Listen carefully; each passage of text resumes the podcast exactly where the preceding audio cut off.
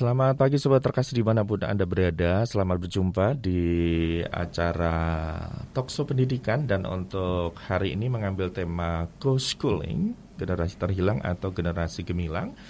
Dan sudah hadir narasumber kita yang tentu sangat kompeten di bidang pendidikan ya Bapak Isa Suhonggo. Beliau adalah veteran pendidikan dan education specialist.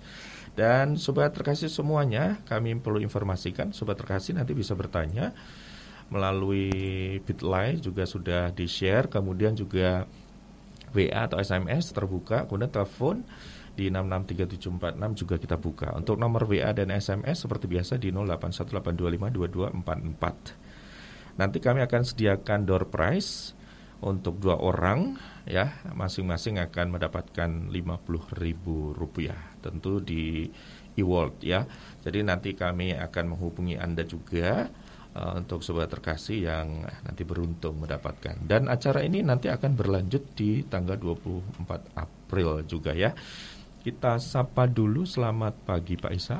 Pagi. Ya, puji Tuhan sehat semuanya ya. Sehat, terima kasih puji Tuhan. ya, langsung saja ini waktunya nggak nggak lama ini Pak.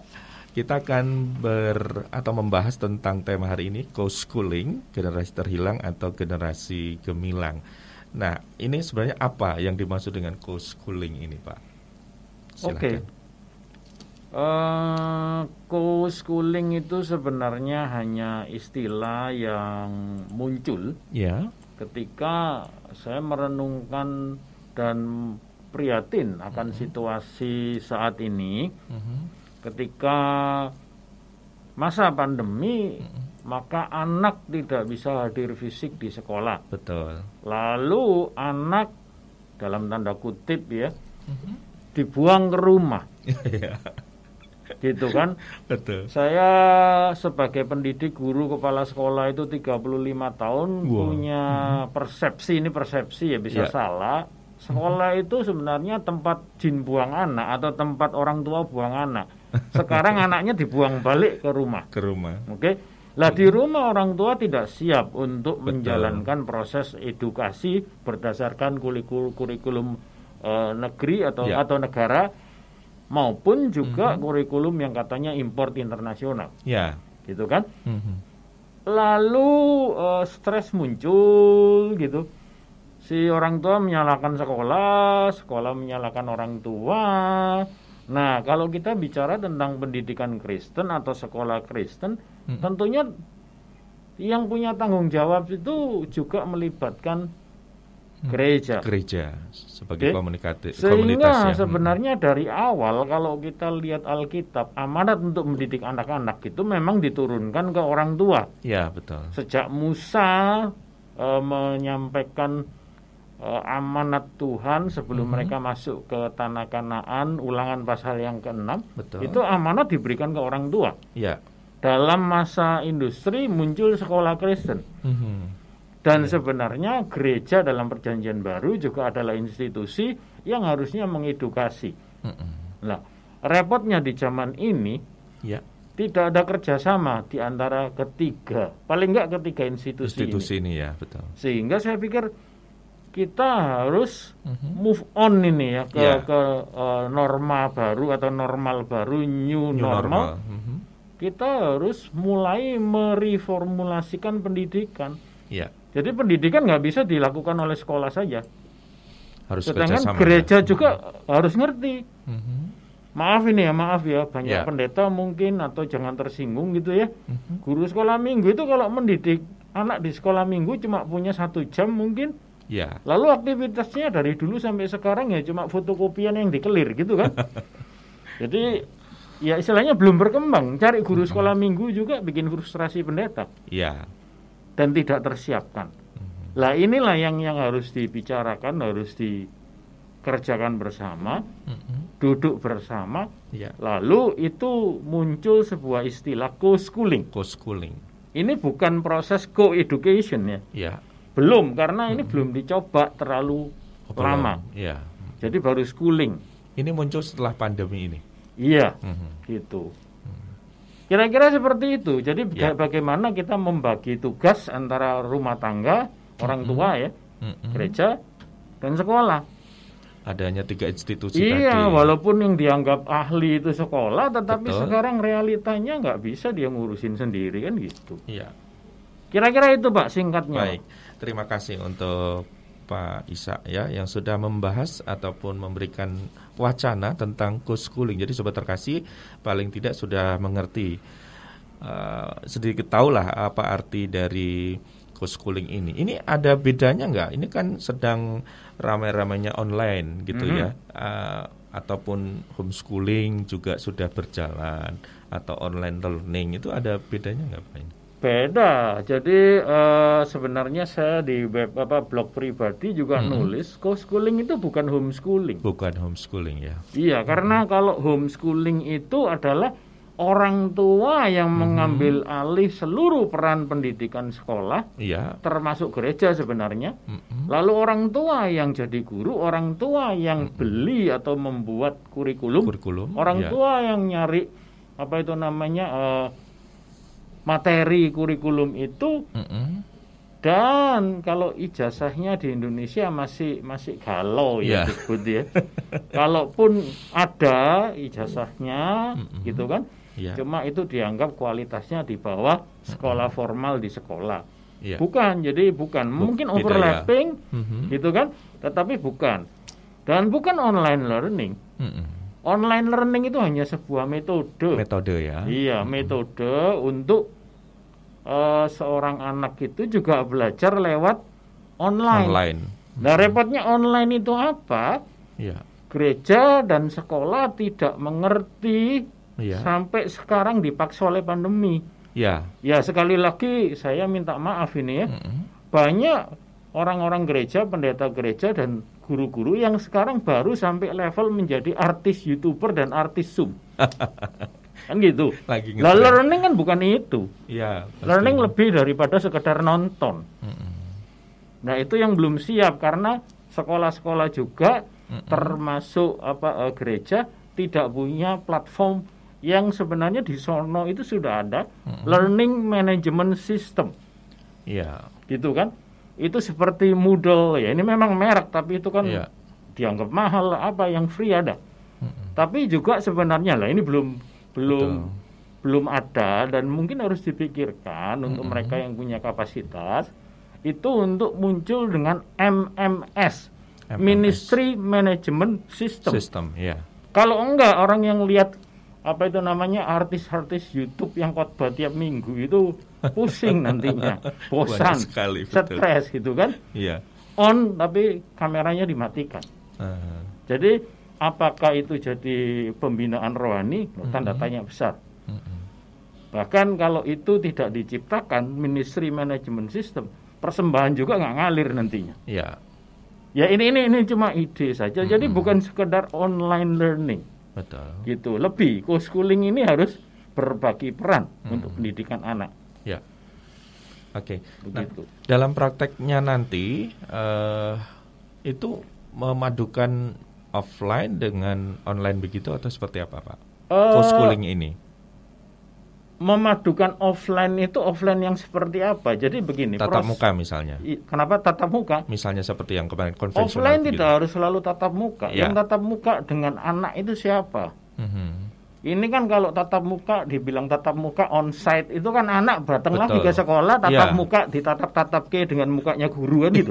Karena memang ini kan wacana menteri akan ada lagi. Nah menterinya masuk masih galau. Kapan hari bilang Januari, Ya, ini kan bilang Juli. Agustus gitu kan hati-hati gitu. Iya, betul. Karena ini ini ujung ujung terowongan belum kelihatan ini. Hmm. kan gitu. Jadi bukan sekedar eh, offline. Ya. Kalau offline di rumah, lah itu yang saya maksud. Oh, ya. Jadi eh orang tua harus belajar, Mhm. para rohaniwan harus belajar, gereja harus belajar, Mhm. lalu sekolah juga harus belajar. Sekolah belajar melepas sebagian peran ke orang tua. Mhm. Orang tua harus ngerti, jangan ngomel terus Ya. untuk mengambil peran itu. Masalah materi apa offline itu dari sekolah, ya silakan. Mau dikirim pakai WhatsApp, mau di apa namanya di, diciptakan, lama-lama nanti akan menjadi ahli gitu kan. Ya. Nah tiga-tiga ini harus berbagi peran, harus masing-masing harus belajar untuk berkolaborasi. Karena itu go, Ya, go schooling. oke. Jadi kata ko itu menga- mengandung kebersamaan, ke Betul. kerjasama seperti itu ya. betul, betul. Betul. Antara tiga institusi tadi, Ya, keluarga, sekolah dan gereja sebagai komunitas Kristen ya. Nah ini sudah ada masuk pertanyaan berikut ini Mm-mm. eh, dari Lulu Kristiningsih ya. Pertanyaan begini Pak, murid belajar, guru seharusnya tidak lelah juga untuk belajar dan mengembangkan dirinya agar anaknya tidak menjadi generasi yang terhilang. Bagaimana membangkitkan semangat agar guru tetap mau belajar dan mengembangkan dirinya? Nah ini karena yang tanya kayaknya guru. Oh ini ini ini waktu kita kan sedikit ya kalau saya Ya. jawab itu bisa kuliah sampai satu tahun itu gitu kan? SKS itu? Iya sepen apa paling pendek ya itu sebenarnya adalah kultur Hmm. kultur guru entah itu dari Ya. kota mana saya juga nggak tahu penanyanya ya kultur guru itu seperti apa? Ya. Nah kultur itu kan dikembangkan oleh organisasinya sendiri sekolahnya, itu Sekolahnya. kulturnya seperti apa? Ya, Kan gitu. betul. Kapan hari saya juga ada webinar dengan eh, kepala-kepala perpustakaan. Saya tanya, terakhir kamu beli buku kapan? Buku apa yang paling banyak dibaca? Mm-mm. Oh, tabloid, Pak. Loh ya itu Oh. perpustakaan itu. Orang jual koran di pinggir jalan saya pikir. Karena Iya. itu harus ada program Mhm. memaksa guru untuk terus belajar. Ya. Dan sebenarnya bukan cuma guru, orang tua juga. Jadi minat belajar di Indonesia memang rendah. Ya. Apalagi kalau sudah dinabubukkan dengan kultur gitu ya. Ya. Saya selalu tanya ke guru kalau saya jadi pimpinan gitu kan. Mhm. Satu tahun kamu belajar apa baca berapa buku? Ya. Beli berapa buku? Gitu. Mhm. Jadi apa eh, lain kali mungkin kalau kalau kita apa siaran online ya Ya. atau jarak jauh dengan saya, saya akan ada di perpustakaan pribadi saya. Hmm. Jadi berapa buku yang kita harus miliki Ya. dan berapa buku yang kita baca, yang kita pikirkan. Nah kalau pendidik nggak mau maju ya susah. Pak. Ya. Apalagi nggak suka membaca. Betul. Jadi sekali. apa istilahnya? eh, ya itu bukan profesional standar profesional pendidik. Mm-mm. Ya daripada anak kita gitu-gitu saja menjadi generasi terhilang dan Ya. generasi terhilang ini bukan cuma saya ngomong. Mm-mm. Ini udah mulai dibicarakan dan disebut-sebut oleh Menteri Pendidikan kita, Ya. Pak Nadiem Makarim atau Mas Menteri gitu kan. Mm-mm. Khawatir memang karena anjlok kualitas pendidikan sekarang ini Betul. gara-gara tidak kerjasama itu. Ya. Baik, pertanyaan berikutnya dari Kristiorini ya. Eh, pertanyaannya begini. Menurut banyak ahli, membangun generasi butuh guru yang adaptif dan mau belajar, guru yang mau keluar dari zona nyaman. Bagaimana cara Bapak membuka pemahaman ini? Bagaimana trik maupun tips agar guru mau berubah dari guru konvensional jadi guru yang adaptif pada perubahan? Sebab masih banyak guru enggan keluar dari zona nyaman itu. Eh, enggan keluar dari zona nyaman ada hubungannya dengan usia mungkin ya Mungkin. salah satunya begitu makin tua ya makin males untuk keluar dari zona nyaman makin tua makin nggak berani untuk belajar yang baru Ya, karena itu harus dipaksa dulu dengan pandemi kalau sekarang dia nggak mau keluar dari zona nyaman gitu kan Mm-mm. ya bubar istilahnya kasihan anak-anak kita yang menjadi korban bukan bukan bukan anak orang lain anak-anak kita Ya. sendiri gitu kan Mm. Jadi eh, harus memaksa diri untuk Mm-mm. berani keluar dari zona nyaman betul. Em, harus rela untuk berani keluar Ya. gitu kira-kira Baik, itu untuk Bu Kristiorini ya. Nah, eh, menurut Pak Isa ini kan melibatkan tiga institusi ini Ya. dan mungkin ya, ini mungkin ada beberapa gereja yang memang belum belum peka ataupun belum punya hati untuk membangun pendidikan yang seperti itu. Nah, bagaimana? Ini ini jadi tantangan tersendiri sebagai praktisi pendidikan, penjaringan gimana usahanya untuk supaya ada sinergitas antara tiga institusi ini. ya mau jawaban gampang atau susah pak Wah, terserah jangan ya. iya Kalau kalau kalau, yang gampang ya Heeh. harus ada api dari surga Wah. Ya kita doakan saja, tapi kalau yang Betul. susah ya kita harus me- me- me- apa ya, mengedukasi, memberikan wawasan. Hmm. Gitu. Hamba-hamba Tuhan tidak boleh congkak lagi. Ya. Karena zaman ini adalah zaman kita dituntut untuk rendah hati, mau belajar, Betul. Hmm. memikirkan bagaimana sekarang zaman online ini pembinaan spiritual gitu Ya. kan. Jadi eh, mau nggak mau dan itu itu bisa jadi topik bahasan yang lain. Mm-mm. Dan kalau mau strateginya ya kita mengkondisi kalau perlu kita bikin KKR khusus untuk hamba Tuhan Mhm. supaya bertobat. gitu. Supaya punya hati untuk pendidikan ini Betul, ya. betul, betul. Karena memang kalau nggak turun ke lapangan ya, memang Hmm. eh, kita nggak bisa menyelami apa yang terjadi. Iya. Jadi visi itu tidak tertangkap. Betul. Apalagi di STT, STT juga sekarang terpenjara oleh Mhm. dulu Departemen Agama mengontrol atau mengendalikan kurikulumnya. Kurikulumnya. Dilempar ke Dikti.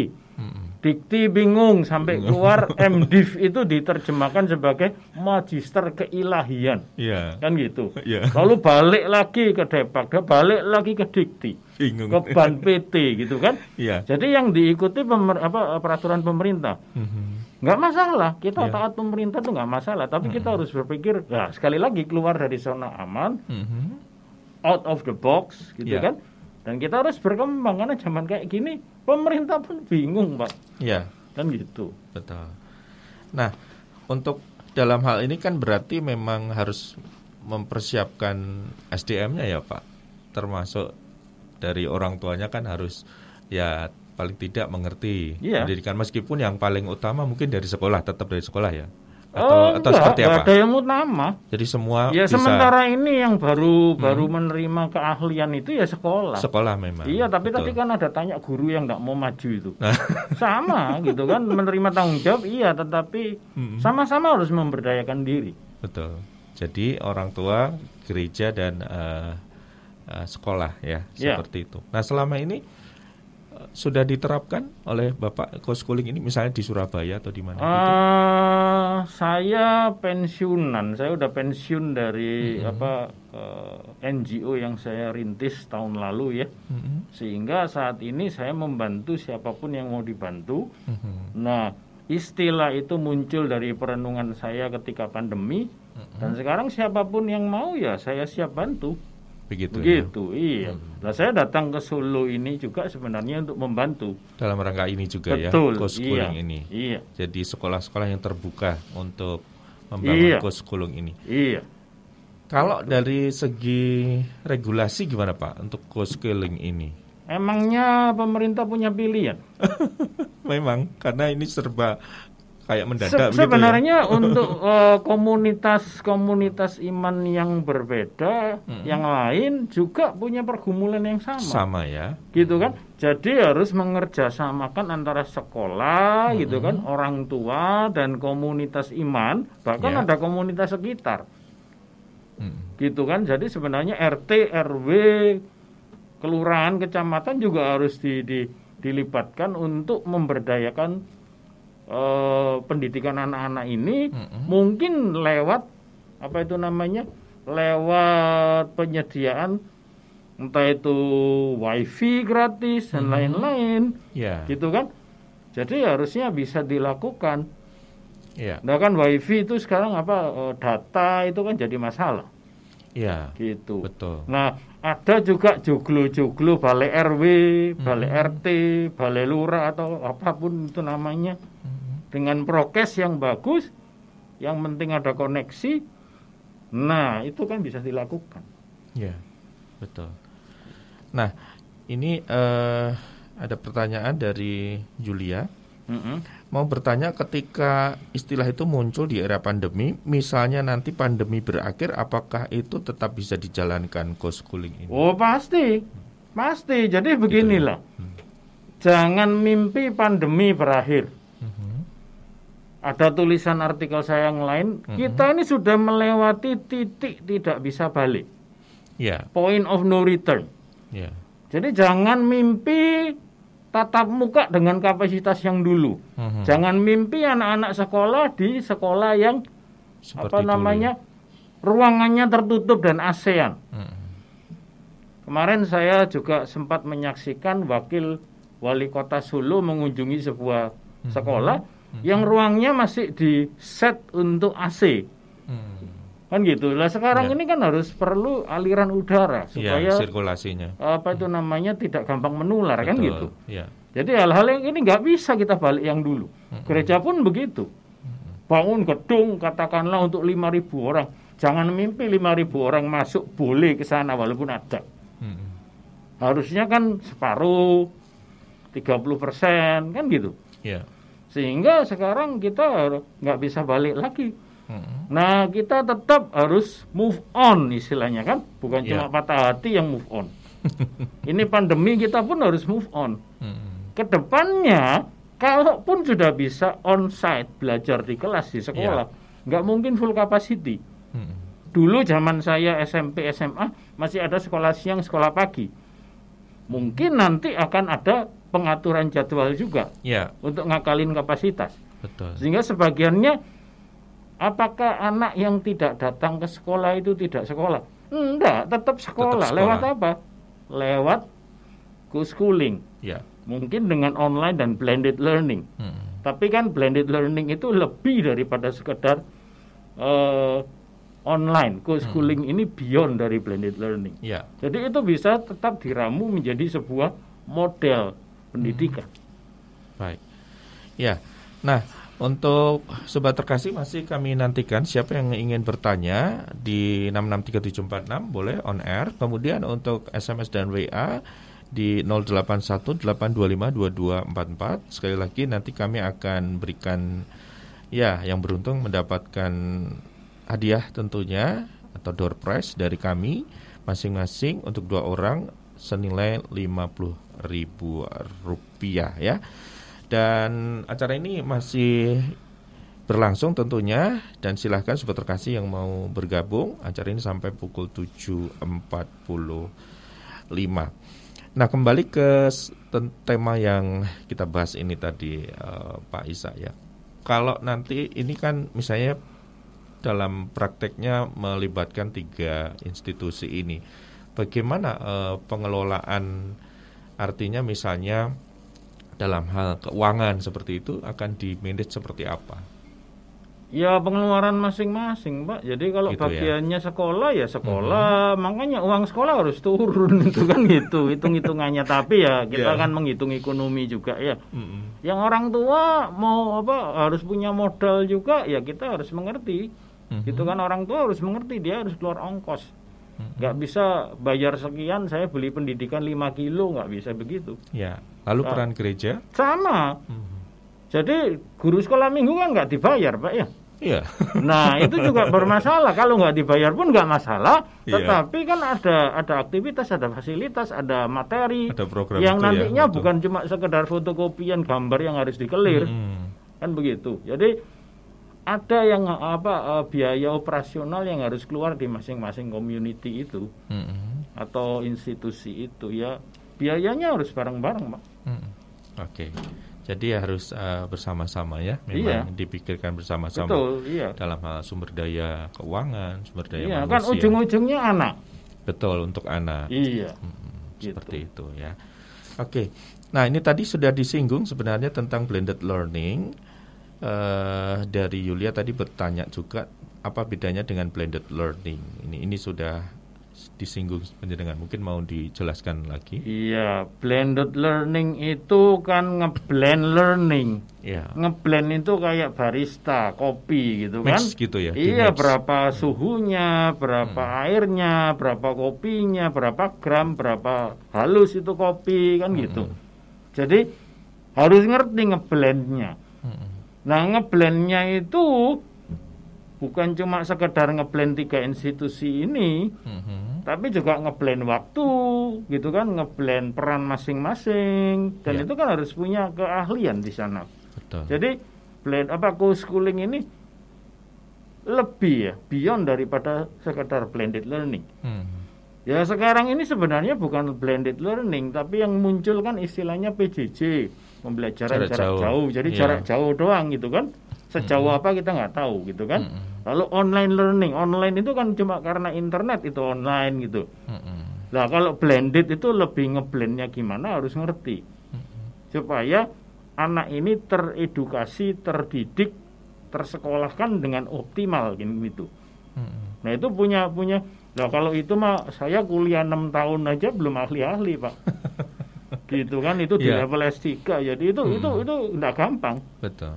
jadi kita lakukan apa yang bisa kita lakukan Mm-mm. gimana kita ngeblend ya pikirannya satu anak ini optimal Mhm.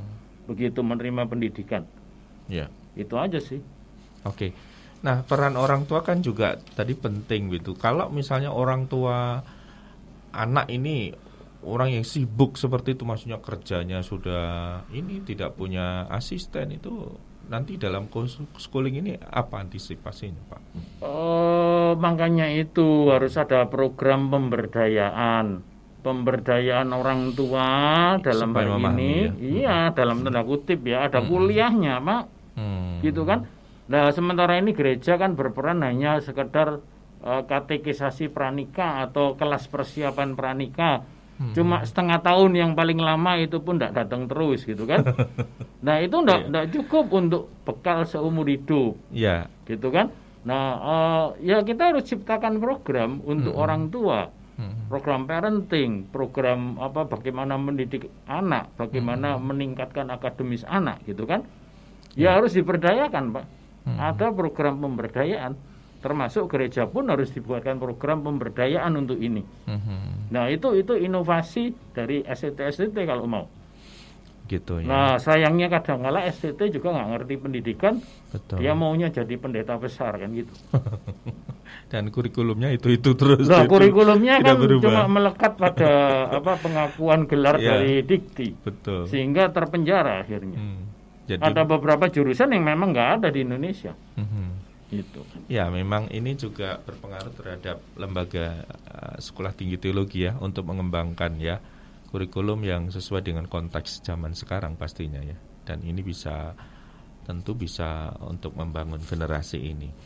Nah, harapan dari co-schooling ini menurut Pak Isa apa ke depannya? Ini kan tadi kalau temanya kan generasi yang terhilang atau gemilang. Mungkin Hmm. dari judul itu memang sudah tapi mungkin bisa dijelaskan nih harapan Iya. ke depan. Iya, istilahnya kalau kita terus-terusan kondisi seperti ini tanpa co-schooling, maka kita akan memproduksi atau menelurkan generasi yang terhilang, the lost generation, Ya. yang kualitasnya nggak karu-karuan. Mhm. Karena pembelajaran sekarang yang katanya dikontrol oleh sekolah tapi diampu oleh orang tua, Mm-mm. itu kualitasnya anjlok. Kita harus jujur. lah. Ya, pasti. Kan gitu. Sehingga kalau ini diteruskan mau sampai kapan? Mhm. Ya itu dia. eh, saya kepingin mendorong semua move on ya. Move on untuk tidak bermimpi kembali ke yang dulu. Hmm. Nah, ini urgen. Ya. urgensi yang kita harus segera bertindak. Jadi ini pilihan. Mhm. Ya terserah kan bukan anak saya.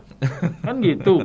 Tapi kalau kita berpikir tentang anak generasi penerus baik itu secara keluarga maupun bangsa ataupun gereja, ya kita harus eh, berjuang bersama-sama untuk berpikir memberdayakan setiap institusi yang harusnya terlibat.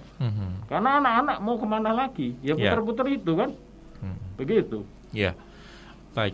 Nah ini eh, misalkan sekolah atau gereja di di Solo ini seperti mengundang eh, Pak Isa begitu. Kira-kira kalau misalnya di tempat lain dan lain sebagainya itu, apakah Pak Isa ini punya jaringan seperti itu? Misalnya di kota ini nanti yang sudah di training Pak Pak Isa sehingga mereka bisa akan lebih cepat menangani daerah-daerah yang memang membutuhkan co-schooling ini.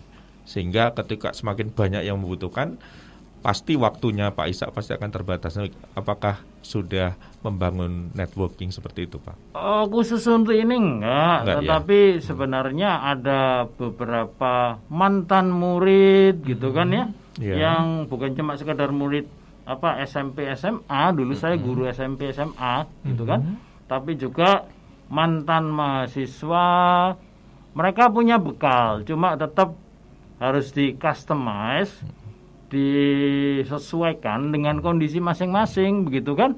Iya. Kita ngomong orang tua aja ada yang lulus SD enggak, ada yang S3 sampai S4, S7 Hmm. bahkan gitu kan. Jadi kan beda-beda, Pak. Ada Iya. yang ekonomi memang sulit, tapi ada yang memang dia eh, crazy rich gitu kan. Hmm. Jadi ya beda kita harus sesuaikan. Tapi yang penting idenya ditangkap dulu. Kalau mau apa ya memberdayakan lewat co-schooling, mari kita duduk bersama. Ya. Walaupun nggak duduk berdiri pakai WhatsApp gitu kan atau pakai medsos, Berdiskusi. kita komunikasi. Ya. Itu saya open sih apa istilahnya kalau mau Zoom ayo saya punya Oh, akun iya. pribadi gitu kan. Seperti itu. Jadi tidak harus ke tempat secara langsung gitu ya. Sementara Bisa ini kita bisa. kita menghindari kerumunan. Iya betul. Kan gitu. Ya. Nah pertanyaan berikut ini dari Mama Raka. Mhm. Saya ibu dengan tiga anak dengan tingkat pendidikan yang berbeda. Kalau harus ngajar tiga anak sekaligus, ya pusing pak. Untungnya mereka masih kecil-kecil, tapi kan mereka makin besar. Bagaimana sebagai orang tua saya harus menjadi guru di tiap jenjang pendidikan di masa pandemi anak-anak saya yang berbeda tadi ya. Saya juga mendapatkan curhat orang tua lain yang masih harus bekerja dengan anak-anak yang harus dididik. Kalau anaknya satu sih lebih mudah. Kalau anaknya banyak bagaimana Pak? Nah, justru lebih gampang anaknya banyak. Gitu ya. kan. Nah, sebenarnya ini ini pertanyaan teknis ya. Ya, Dan itu yang saya katakan harus ada program pemberdayaan untuk orang tua khususnya di bidang akademik anak-anak ini kan. Mm-mm. Itu yang dulu cuma dimonopoli oleh sekolah sekolah. dan dimono apa gereja pun nggak ngerti. Ya, Coba tanya sama guru sekolah minggu cara apa pertanyaan seperti itu bingung. ya. Kan begitu. Jadi ya nggak bisa dijawab panjang lebar ya menjadi guru aja kuliah 4 tahun kan gitu. Tapi sambil jalan istilahnya kan sambil jalan bisa lah. Yang penting kita ada hati dulu untuk anak-anak kita sehingga Ya. kita nggak lari ke stres gitu kan. Ya, Jadi tolonglah jangan stres. Itu kan anak-anak kita betul. gitu. Jadi dan jangan hanya berpatokan pada kurikulum yang pemerintah karena pemerintah pun bingung sampai diadakan kurikulum darurat gitu kan. Mm. Darurat itu selalu kan tidak sempurna. Ya, Begitu. baik. Terima kasih.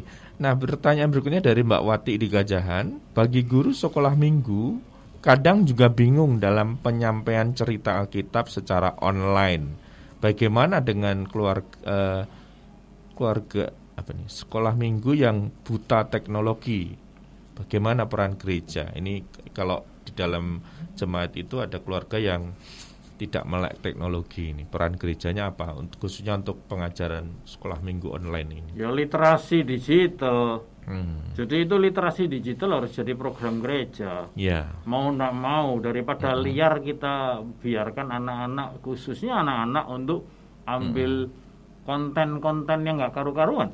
Ya. Jadi harus ada literasi digital. Orang tua mau nggak mau zaman sekarang gitu kan. Hmm. Jadi eh, dibiasakan karena manusia itu pembiasaan Hmm. seperti itu.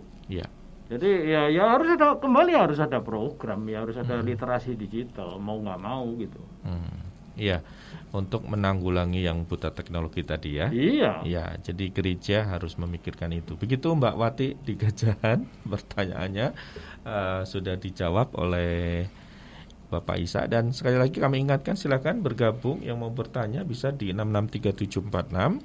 Masih ada waktu sekitar 10 menit lagi. Kemudian untuk SMS dan WA masih dibuka di 0818252244 melalui yang Bitly juga bisa. Silahkan yang sudah di share apa sudah ada? Belum ya. Ya sobat terkasih masih dengan tema co-schooling dan bersama narasumber kita yang kompeten pastinya Bapak Isa veteran pendidikan dan education specialist begitu yang sudah puluhan tahun bergerak di bidang dunia eh, pendidikan. Nah kembali ke tema ini eh, Pak Ishak. Ini ada eh, pertanyaan. Mohon pencerahan dari Pak Ishak. Ini ada dua ya. Yang pertama, konsep schooling ini sangat menarik. Mungkinkah Pak Ishak mempunyai program yang dapat dikerjasamakan dengan berbagai pihak? Itu pertanyaan pertama. Lang, pertanyaan kedua, langkah nyata apa yang perlu dilakukan oleh pemerintah, gereja, yayasan sekolah dan sebagainya dari Dama di Sragen. Silakan Pak. Satu-satu aja ya. Oke, satu dulu. Konsep ghost schooling ini sangat menarik. Mungkinkah Pak Isa mempunyai program yang dapat dikerjasamakan dengan berbagai pihak? Oh, program itu bukan dikerjasamakan, tetapi hmm. harus diciptakan, diciptakan di lokal, gitu kan. Hmm. Jadi uh, ya kalau ditanya program ya apa pelatihan ya. Ya. Jadi istilahnya training gitu kan, hmm. kita diskusi, ya. kita apa rembukan kalau hmm. membangun infrastruktur gitu kan, hmm. seperti itu. Ya, baik. Nah, langkah nyata yang perlu dilakukan pemerintah, gereja, yayasan, sekolah apa? Loh, kalau pemerintah saya nggak bisa ngatur pemerintah, Pak. Saya bukan pejabat gitu yeah. kan. Harusnya ya ngerti lah gitu. Hmm. Makanya dia harus ngambil konsultan atau ngambil advisor yang yang sekarang punya inovasi gitu hmm. gitu kan. Tapi kalau kalau gereja ya gini lah langkah langkah nyata lah ya langkah nyata ya duduk bersama di di online duduknya atau di mana pun hmm. kita diskusi gitu loh hmm. ya kita tanya jawab hmm. ini kan bukan jualan kayak ayam geprek pak hmm. jadi saya bikin ayam lalu anda beli dimakan silakan dinikmati yang enggak yeah. kan kita mesti diskusi hmm. gitu menyesuaikan punya ini punya itu enggak ini bisa didesainkan program dan kurikulum untuk sekolah minggu, hmm. untuk orang tua, untuk gurunya juga supaya ya. nggak pakai cara yang lama kan gitu. Oke, ya. Baik. Pertanyaan berikutnya dari Evangelis Henryson MPDK di Sekolah Kristen Maranatha Pontianak. Mau tanya mengenai program pemberdayaan dan pembinaan orang tua siswa tentang co-schooling yang efektif untuk masa ini itu seperti apa? Nah ya kita harus tahu orang tuanya itu level pendidikan, level ekonomi gimana. Kalau topiknya kita paksain nanti e, mereka nggak cocok gitu kan. Ya yang tahu dan yang bisa mendesain adalah rekan-rekan yang ada di lokasi gitu kan. Mm -hmm. Jadi ya apa namanya uh, ya saya terbuka loh untuk untuk berinteraksi, untuk ngobrol gitu kan. Tetapi hmm. saya nggak punya resep atau produk jadi itu aja sih. Hmm. Gitu Begitu. Ya? Kurikulum itu harus didesain, dirancang berdasarkan situasi saat itu lokal. lokal. Ya, di lingkungan Betul, situ ya. gitu kan. Tidak bisa disamaratakan. Betul, termasuk kita nyocokin koneksinya ini gimana lancar apa enggak kan iya. gitu. iya. Sinyalnya bagaimana seperti itu juga. Oke. Terima kasih dan sebentar ini masih ada yang mau mengirim pertanyaan ya. Kita tunggu. Ini masih ada waktu sekitar 7 menit. Ah, ini sudah masuk. Dari Nakku di Solo. Langkah nyata apa yang pertama kali dilakukan sekolah untuk co-schooling? Apakah mengganti kurikulum atau yang lainnya?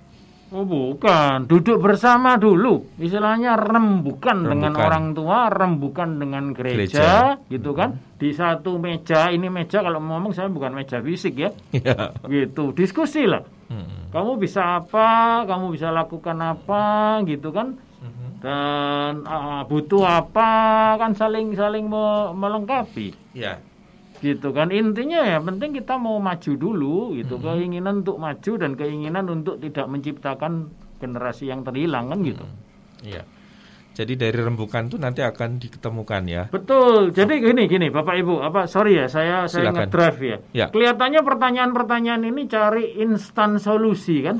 Enggak ada proses ya. Iya dan dan mungkin saya apa uh, akan mendahului penyiar ini hmm. karena itu program ini saya tantang tidak sekali lalu saya lari gitu kan hit and run.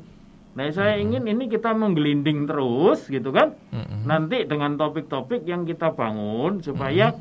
membangun ide. Dan saya kepingin kalau sudah ada komunitas gitu ya mungkin hmm. nanti diumumkan lah kita kita akan apa ya istilahnya ya tukar pikiran di sana. Ya. Gitu. Jadi bukan untuk promo ini promo itu. Saya nggak jualan merek ya, ya. saya nggak jualan ayam geprek gitu kan. Saya tidak jualan kopi tertentu. Tetapi saya ingin membantu memfasilitasi -hmm. supaya masing-masing dengan kapasitas masing-masing ya. bisa melakukan sesuatu. Lalu tiba-tiba muncul generasi cemerlang. Yang tidak bisa. -hmm ya itu di masa depan harapannya anak-anak kita tidak terhilang itu aja sih begitu ya iya. Baik. lalu ini ada pertanyaan kendala yang dihadapi kalau orang tua punya pendapat begini, Pak. Saya sudah bayar tugas sekolah yang mengajar dong, masa saya harus suruh mengajar sudah dibayar kok. gitu. Nah iyalah itu yang harus diedukasi pola pikirnya kan gitu. Itu hmm. itu pola pikir lama kan saya bilang kayak kayak jin buang anak itu kan sekolah. itu yeah. orang tua buang anak ke sekolah ya jangan dibuang lah anaknya. Hmm. Walaupun sekolah. Jadi gini, saya punya mantan murid-murid yang sekarang sudah menikah hmm. dan punya anak. Tanya, Pak, sekolah terbaik itu gimana? Hmm. Wah, enggak ada, saya enggak jualan merek. Hmm. Yang saya tanya balik gitu kan, kamu punya uang berapa, kamu tinggal di mana, dan kamu berani berapa untuk sekolah anakmu kan itu? Yeah. Baru itu yang terbaik buat kamu, apakah itu terbaik untuk orang lain? Enggak. Hmm. Tapi apakah ada sekolah yang sempurna gitu? Ya enggak ada tunggu Tuhan Yesus datang yang kedua kali kan gitu. Kurangnya apa? Ya. Orang tua bertanggung jawab untuk, untuk menambal kurang itu. Betul. Jadi mau nggak mau nggak nggak bisa kayak jin buang anak. Ya. Kan gitu. Hmm. Jadi itu itu konsep itu harus dirubah dulu. Oke. Okay. Ya, begitu ya. Nah, kami ingatkan juga buat sobat terkasih bahwa acara yang seperti ini nanti akan diadakan lagi pada tanggal 24 April. Jadi silahkan nanti dilingkari tanggalnya ya. nah, di menit terakhir ini eh, Pak Isa mungkin bisa memberikan kesimpulan dari apa yang kita bicarakan saat ini. Monggo Pak. Iya, kesimpulannya move on. Hmm. Jangan hmm. tinggal di masa lalu, jangan hmm romantisme mimpi, romantisme masa lalu mm-hmm. gitu kan. Dulu gini, dulu gini ya dulu. Sekarang ini mm-hmm. adalah era baru yang tidak belum ah, belum bukan tidak, yang belum yeah. kita tahu jelasnya nanti gimana. Mm-hmm. Kemarin saya ngomong sama teman-teman guru juga. Yeah. Vaksin cacar air itu sudah dari dulu ada kan? Ada. Tetapi setelah divaksin masih ada yang kena cacar air nggak? Masih, masih ada. ada vaksin COVID katanya udah ketemu dan mereknya hmm. macam-macam gitu kan sehingga hmm. uh, Kristen bilang itu 666, MUI bilang itu haram gitu kan. Ya monggo. Tapi setelah divaksin apakah nggak ketularan? Pasti masih bisa, bisa. ketularan. Hmm. Kan gitu. Hmm. Sehingga ber, apa berakhirnya kapan? Nggak akan berakhir ini. Hmm. Tinggal berkurang apa enggak. Yeah. Karena itu kita akan move on move onnya itu arahnya ke mana hmm. untuk pendidikan anak saya usulkan co-schooling ya ya dipikir direnungkan dulu lah hmm. nggak usah langsung ditelan gitu kan hmm. saya nggak jual obat loh ini ya, ya. co-schooling hmm. gitu sehingga harus ada kerjasama antara orang tua gereja sekolah, sekolah. untuk menata apa yang perlu dikerjakan tiga institusi ini bersama-sama untuk anak kita kan gitu. Betul. Itu aja sih. Baik. Terima kasih. Itu sebagai kesimpulan dan kami informasikan eh, selamat kepada saudara Dama dan Evangelis Hendrison yang berhak mendapatkan Rp50.000 masing-masing ya dari Radio Immanuel dan terima kasih juga untuk sobat terkasih yang sudah bergabung berpartisipasi untuk hari ini. Jangan lupa 24 April akan ada acara yang seperti ini. Terima kasih Pak Isa untuk kasih. pengetahuan dan ide dan juga hal-hal yang banyak sekali yang sudah disampaikan kiranya bermanfaat dan untuk pendidikan anak-anak kita semuanya. Sekali lagi terima kasih untuk semuanya. Kita bertemu di lain kesempatan. Selamat pagi, salam Immanuel, Tuhan memberkati.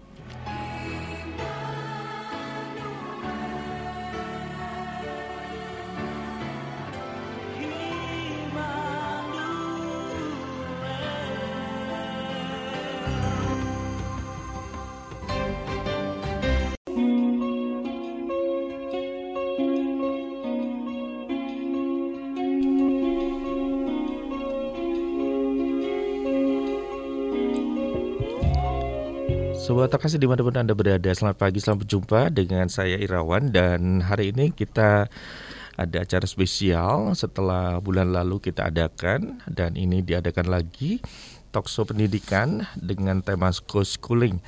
Uh, dan untuk pagi hari ini co-schooling apa yang dibutuhkan orang tua dalam menghantar anak menjadi generasi gemilang sudah hadir di studio uh, Bapak Isak Suhonggo ya yang menjadi narasumber untuk pagi hari ini. Kita sapa dulu selamat pagi Pak Isak. pagi. Ya, selamat pagi ya. Pasti kabar baik, sehat selalu. Baik, untuk sobat terkasih semuanya, silakan nanti bisa bergabung bersama kami, bisa bertanya untuk tema hari ini co-schooling, apa yang dibutuhkan orang tua dalam menghantar anak menjadi generasi gemilang melalui SMS dan WA di 0818252244 kemudian untuk telepon di 663746 tersedia nanti hadiah ya. Berupa e-wallet. Dan silahkan sobat terkasih uh, bisa kami nantikan atensinya. Dan untuk merefresh lagi Pak Ishak ini untuk sobat terkasih yang mungkin baru stay tune ataupun kemarin belum ikut mungkin bisa diterangkan sedikit tentang apa pengertian co-schooling kembali untuk merefresh silakan Pak Iya, Uh, pagi para pendengar dan rekan-rekan yang juga mengikuti lewat uh, streaming. Uh, co-schooling itu sebenarnya konsep yang menjadi bagian dari solusi yang saya ingin usulkan. Iya. Gampangnya itu adalah co-schooling itu bahwa schooling uh -huh bukan pendidikan ya. Kalau pendidikan nanti kualitas yang lebih uh, tinggi lagi. Schooling itu persekolahan. Persekolahan. Itu ya. tidak bisa hanya dilakukan oleh sekolah, tetapi uh -huh. harus dikeroyok sama-sama ya. oleh orang tua, oleh sekolah, oleh komunitas iman atau uh -huh. gereja dan bahkan juga pemerintah atau komunitas -huh. lokal, RT RW kalau bisa sama-sama menggarap pendidikan anak supaya anak kita tidak menjadi generasi yang terhilang. Betul. Gitu. Iya, itu karena uh, di dalamnya berarti ada kerjasama ya Pak. Betul. Ada kooperasi dalam hal ini antara sekolah, orang tua dan lembaga Kristen misalnya gereja itu tadi. Nah itu sobat terkasih di refresh kembali pengertian dari co-schooling di mana memang kita masuk di masa pandemi udah setahun lebih membuat orang tua ini ya Pak yeah. menjadi yeah. permasalahan tersini. Nah kira-kira apa uh, masalah yang sedang dihadapi orang tua sekarang ini khususnya dalam hal mendidik anak dalam pendidikan ini Pak? Iya, sebenarnya uh, saya sudah menulis sebuah artikel. Nanti mungkin uh, rekan-rekan dari Immanuel akan mm -hmm. membagi linknya. Ya. Namun uh, supaya kita bisa mengerti secara langsung, mm -hmm. karena terus terang aja saya kan ini veteran ya, tidak yeah. berhadapan langsung dengan orang tua. Mm -hmm. Nah, hadir bersama saya sebenarnya rekan saya. Yeah Ibu Frisil uh-huh. yang nanti bisa cerita Bu. Jadi boleh saya tanya beliaunya supaya uh-huh. beliaunya juga ngomong gitu yeah. kan. Uh, Bu, pengalaman sebagai kepala sekolah sebenarnya keluhan orang tua di lapangan sekarang ini apa? Tiga tiga terberat saja yang harus yeah. dihadapi. Silakan Bu. Silakan Ibu Frisil ya. Iya. Baik, silakan. Oke, kalau keluhan dari orang tua sejauh ini yang pertama adalah tugas mereka bertambah selama pandemi ini ya. Mm-hmm. Karena biasanya kan anak-anak sekolah hanya di rumah aja, eh, di sekolah aja gitu yeah. ya. Yang pegang sepenuhnya adalah guru gitu. Betul. Tapi sekarang kan tidak bisa, guru hanya mm-hmm. bisa memantau dari jauh dan sedangkan orang tua pun mm-hmm. juga masih tetap bekerja gitu. Jadi tugasnya nambah gitu. Kalau mm-hmm. yang sebelumnya uh, dia hanya memikirkan pekerjaan saja, sekarang ditambahkan. Terus kalau ditanya mm-hmm. apa lagi ya uh, bingung mengatur waktunya dengan anak-anak gitu ya. Yeah. Ngatur waktunya dengan anak-anak ketika orang tua itu kan jam sekolah itu adalah jam yang sama dengan orang tua jam bekerja kerja. gitu. Belum lagi kalau anaknya lebih dari satu dan iya, lebih betul. dari lima bu ya. Terus yang berikutnya ya pasti gimana? mengenai gadget, jaringan, uh, uh. itu susah sekali sekarang. Betul. Kita mau memaksa anak untuk terus belajar pun kalau misalnya jaringan di rumahnya tidak mem, tidak mumpuni juga uh -uh. kesulitan juga gitu. Betul. Dan bisa jadi smartphone-nya atau handphonenya terbatas. Betul. Anaknya sekali. banyak. Betul. Ini bikin frustasi enggak orang tua betul. ini. Nah, itu yang uh, terjadi masalah yang dihadapi oleh orang tua sehingga membuat apa ya sesuatu yang beban bagi orang tua. Nah, mungkin di telepon ada yang akan telepon coba kita terima dulu ya.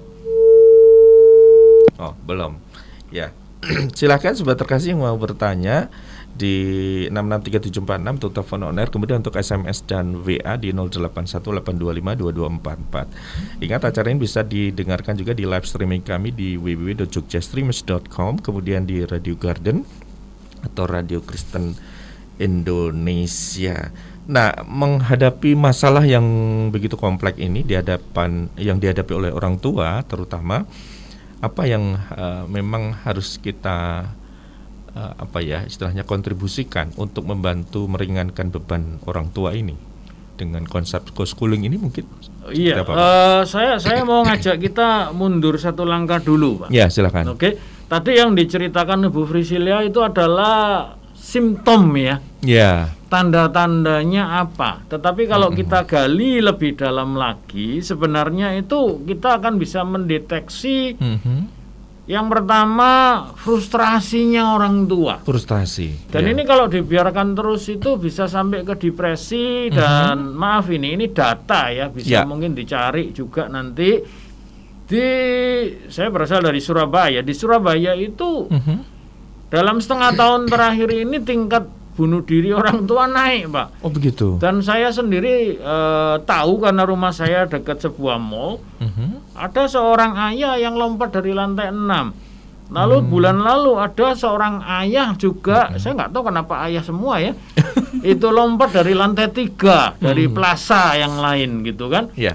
Nah frustrasi ini eh, nggak uh, bisa dibiarkan terus menerus gitu hmm. kan. Lalu juga Kenapa kalau kita gali lebih dalam lagi itu mereka akan merasa hopeless karena mereka hmm. uh, kayak kapasitasnya nggak ada untuk menghandle semuanya ini iya. gitu kan dan tidak ada dukungan hmm. dan saya melihat penyakitnya juga karena orang tua masih pakai sikap dan paradigma lama tadi uh, bapak sempat menyebut hmm. apa itu namanya uh, kesulitan orang tua karena biasanya yang mm -hmm. mendidik menyekolahkan anak itu semuanya sekolah orang yeah. tua cuma bayar jadi sekolah itu kayak semacam tempat jin buang anak gitu kan mm -hmm. lah yeah. paradigma ini yang yang harus diubah iya mm. karena ini yang membuat mereka tambah tambah stres gitu mm. kan lalu gereja, masyarakat, e, negara tidak pernah punya program e, pemberdayaan buat orang tua, belajar hmm. bagaimana menjadi parents atau parenting, mengasuh anak hmm. itu sangat minimal. Iya. Baca buku apalagi bukan jadi hobinya orang tua gitu kan. Sehingga akhirnya muncullah uh, komplain-komplain, mm -hmm. akhirnya konflik juga dengan pihak sekolah. Iya. Jadi itu itu analisa situasi saya Pak sebelum Betul. kita ngomong tentang solusi. Bahkan gitu. ada orang tua yang tidak mendatarkan anaknya ke PAUD misalnya begitu ya. No, kalau PAUD itu masalah apa ya paradigma Pak. Karena oh, gitu. gini, gitu. orang tua berpikir saya bayar PAUD Iya. Lalu apa Kementerian dan Mas Menteri mengatakan masuk SD nggak perlu lagi jasa PAUD. lah ngapain saya mesti bayar? Iya betul. Biar aja di rumah nanti saya didik sendiri lah ini. Saya uh. didik sendiri. Tapi apakah bisa orang tua iya. punya punya kompetensi dan punya dan bahan, punya betul, keahlian ya. untuk menyekolahkan anaknya yang PAUD itu. Hmm. Jadi mereka cuma menghindari membayar lebih yeah. atau membayar nggak hmm. mau bayar di rumah pun anak-anak terbengkalai. Hmm. Nah ini ini dilema kan begitu. Betul. Yang terkorbankan siapa? Anak. Anak lagi gitu kan? Kasihan. Jadi memang kondisi orang tua yang tadi frustasi kemudian tidak memiliki kapasitas dalam hal uh, pendidikan ya, misalnya seperti itu. Kemudian juga pun masih punya paradigma yang lama. Jadi anak itu pokoknya diserahkan ke sekolah atau kalau rohani ya ke sekolah minggu, gereja seperti itu. Jadi memang ini beban yang berat dan ini berkaitan dengan lembaga ataupun sistem pendukung yang yang lain misalnya gereja ataupun masyarakat seperti itu uh, untuk membantu orang tua selama ini seperti apa ini Pak? Gereja khususnya misalnya apakah ada kurikulum parenting ataupun hal-hal yang lain untuk mendidik anak ini? Uh, pertanyaan ini bisa jadi celaka buat saya. Seakan-akan saya akan hmm. menghakimi gereja gitu kan ya. Tapi kenyataannya memang pendidikan di STT, seminari, hmm. kurikulum yeah. yang dikontrol oleh Dikti dan oleh Depak. Lalu juga uh, para hamba Tuhan yang lulusan seminari atau mm -hmm. yang tidak lulusan seminari mereka tidak pernah memikirkan masalah anak mm -hmm. bagaimana mereka bertumbuh, bagaimana mereka belajar, dan bagaimana orang tua seharusnya itu mengajar. Mm-hmm. Jadi baru sebatas sekolah minggu pakai Mm-mm. Eh, kurikulum cetakan, bukan Ya. kurikulum yang lengkap, tapi cetakan saja. Lalu Mm-mm. aktivitasnya mewarnai fotokopian, Pak. Hmm. Cuma itu sepanjang sejarah saya hidup, gitu kan. Jadi ya, ya ini ter- ter- terkesan menghakimi ya. Tapi saya hanya ingin mengajak para hamba Tuhan, para pelayan anak, pelayan remaja itu untuk berinovasi karena itu harus bekerja sama dengan pihak sekolah, dengan orang tua. Ya. Eh, kamu kerjain apa? Saya kerjain ini, Mm-mm. yang lain kerjain apa. Jadi nggak tumpang tindih, tetapi ada kerjasama, ada satu sistem yang terbangun. Nah, itulah schooling, Pak. Ya, baik. Itu yang eh, jadi pokok pembicaraan kita. Sobat Kali silahkan yang bergabung, yang mau bertanya bisa sekali lagi di 663746, kemudian untuk SMS dan WA di 081 825 eh, 2244. Ada pertanyaan di sini? Ya, ini ada pertanyaan eh, di bit nya dari Natalia ya. Pertanyaannya adalah begini. Bagaimana peran gereja dan sekolah dalam membantu orang tua yang sudah stres dengan pekerjaan tapi juga me- mendampingi anak belajar. Kebetulan guru di SD Widya Wacana Warung Miri apa ini? Baik eh, mengerti kesulitan orang tua. Tapi di sekolah lain guru eh, kasih tugas menyulitkan anak dan ortu. Jadi membuat hubungan guru sama orang tua kurang harmonis. Ini bagaimana ini? Ya itu dia karena kan antara orang tua, gereja dan eh, pihak sekolah atau guru yang sebagai ujung tombaknya Iya. itu nggak pernah duduk bersama dan tidak pernah berpikir tentang sebuah sistem Iya. gitu kan yang namanya co-schooling itu usulan saja begitu kan tetapi eh, kalau itu tidak pernah dibicarakan Mhm. dan menganggap masih old normal, nggak move on ke new, New normal, normal, gitu ya. kan? Ya akhirnya akan banyak goncangan-goncangan, banyak konflik dan lain-lain. Mhm. Nah, itu yang saya mau mau mau dorong, mau rangsang, mau Ya. encourage supaya pihak-pihak yang berkepentingan semuanya berkepentingan karena ini Ya. masa depan kita. Kalau anak kita maafkan ya stunting lalu low educated gitu kan ya bahasa vulgarnya itu oon gitu kan kan parah negara kita. Betul. Nah ini kan pendidikan tidak boleh berhenti, Mm-mm. persekolahan tidak boleh berhenti, tetapi meramu bentuk yang baru Mhm. itu yang harus dipikirin pak. Nah kerjasamanya itu yang harus dipikirin. Saya punya resep, tetapi itu kan tidak bisa dilaksanakan kalau tidak ada yang mau melaksanakan kan begitu. Betul. Ya, berarti eh, co-schooling ini kira-kira ini ya yang yang harus pertama kali menginisiasi apakah sekolah dulu atau gereja atau orang tua atau ketiga-tiganya. Oh ya, provokatornya saya pak, kan gitu. Tetapi siapa yang nanti merespon dulu, monggo silakan. Iya. Kan begitu.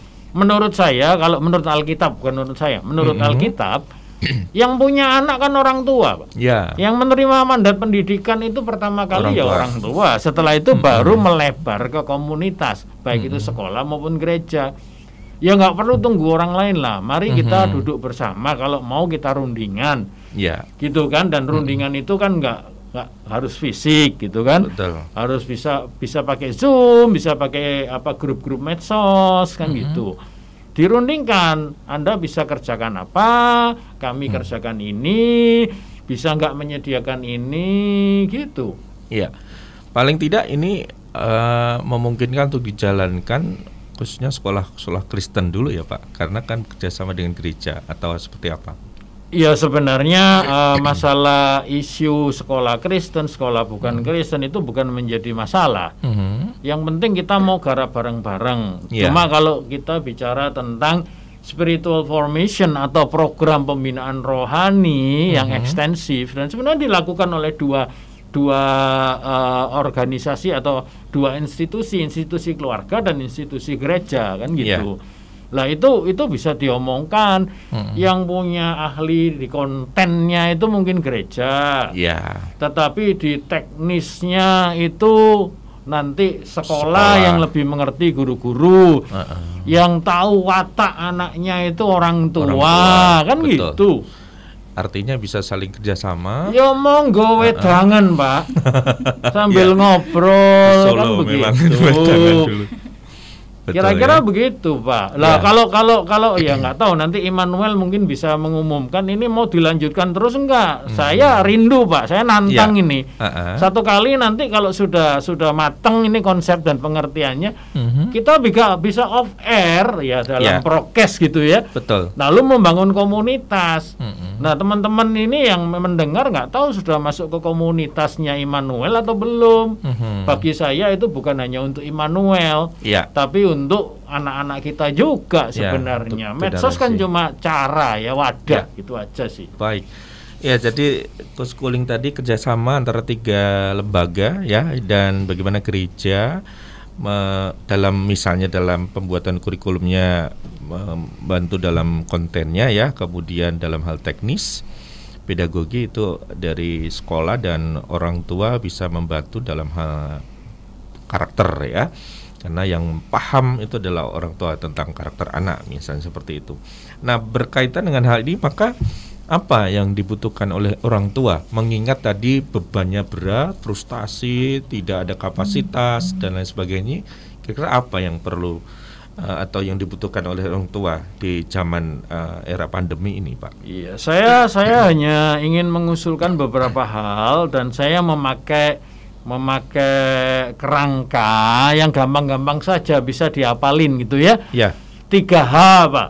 Mhm. Head, heart, dan hand. Ya. Head itu kepala, isinya Mhm. ilmu, pengetahuan, lalu Ya. heart itu hati, hati itu garapan hati, lalu yang hand itu adalah tangan, keterampilan, Hmm. gitu kan? Ya. Nah, kalau head ya orang tua perlu belajar tentang bagaimana anak itu bertumbuh. Hmm. Guru pun atau sekolah harus belajar bagaimana anak itu bertumbuh dalam dinamikanya. Ini pengetahuan-pengetahuan semuanya. Gereja pun juga ya maafkan ya guru sekolah minggu tidak terlatih untuk belajar bagaimana developmental eh, teori atau developmental psychology lah itu harus ditrainingkan dalam yang eh, sesuatu yang sederhana sebenarnya sih. Lalu kemudian kalau hard ya para hamba Tuhan, gereja ajaklah orang tua untuk punya sikap hati yang benar untuk Yeah. mendidik anaknya. Jangan kayak jin buang anak ke sekolah gitu kan. Move on lah dari Yeah. old normal. Dan kalau kalau keterampilan hand, Mhm. keterampilan mengajar, pakai metode, pakai evaluasi, pengukuran pembelajaran itu nggak nggak hanya didominasi oleh guru. Mhm. Jadi orang tua pun harus belajar itu. Gimana Ya. kalau saya menolong anak saya belajar bisa ngukur bahwa dia sudah belajar enggak? Mhm. Gampang itu sebenarnya ada trainingnya tapi nggak berat-berat amat. Ya. Bukan kuliah S3. Mhm. Guru sekolah minggu pun atau pembina remaja pemuda nggak hanya volunteer yang tidak terlatih. Mhm. Mereka bisa dibekali dengan hal seperti itu, gitu kan? Ya. Nah itu sebenarnya eh, beberapa hal yang kita bisa eh, sodorkan, bisa sajikan untuk co-schooling ini bisa berjalan dengan baik, begitu kan? Mhm. Itu. Baik. Ini ada pertanyaan dari Mbak Wati yang ada di Gajahan. Berapa persenkah kesuksesan persekolahan ini dapat berhasil jika pihak sekolah, orang tua, dan gereja bisa duduk bersama menjalani program ini? Terima kasih. Dari Mbak Wati. Iya. eh ini kan baru provokasi, Pak. saya ditanya presentasi ya, yang melakukan saya belum tahu. Ya. Saya mencoba melakukan di beberapa komunitas, semoga Mm-mm. di Solo juga, gitu Ya, kan? Amin. Nah, tapi eh, kalau ditanya berapa persen itu kan harus longitudinal research. Jadi Betul. nggak bisa keluar statistiknya. Mhm. Di feeling saja lah. Mhm. Gitu kan, anak Anda berapa? Anak Anda kira-kira tertolong enggak kalau kita garap bareng-bareng. Nah, kalau nggak bareng-bareng gimana ngukurnya? Ya. Dan eh, bisa keluar dengan persentase itu perlu ongkos, Bapak.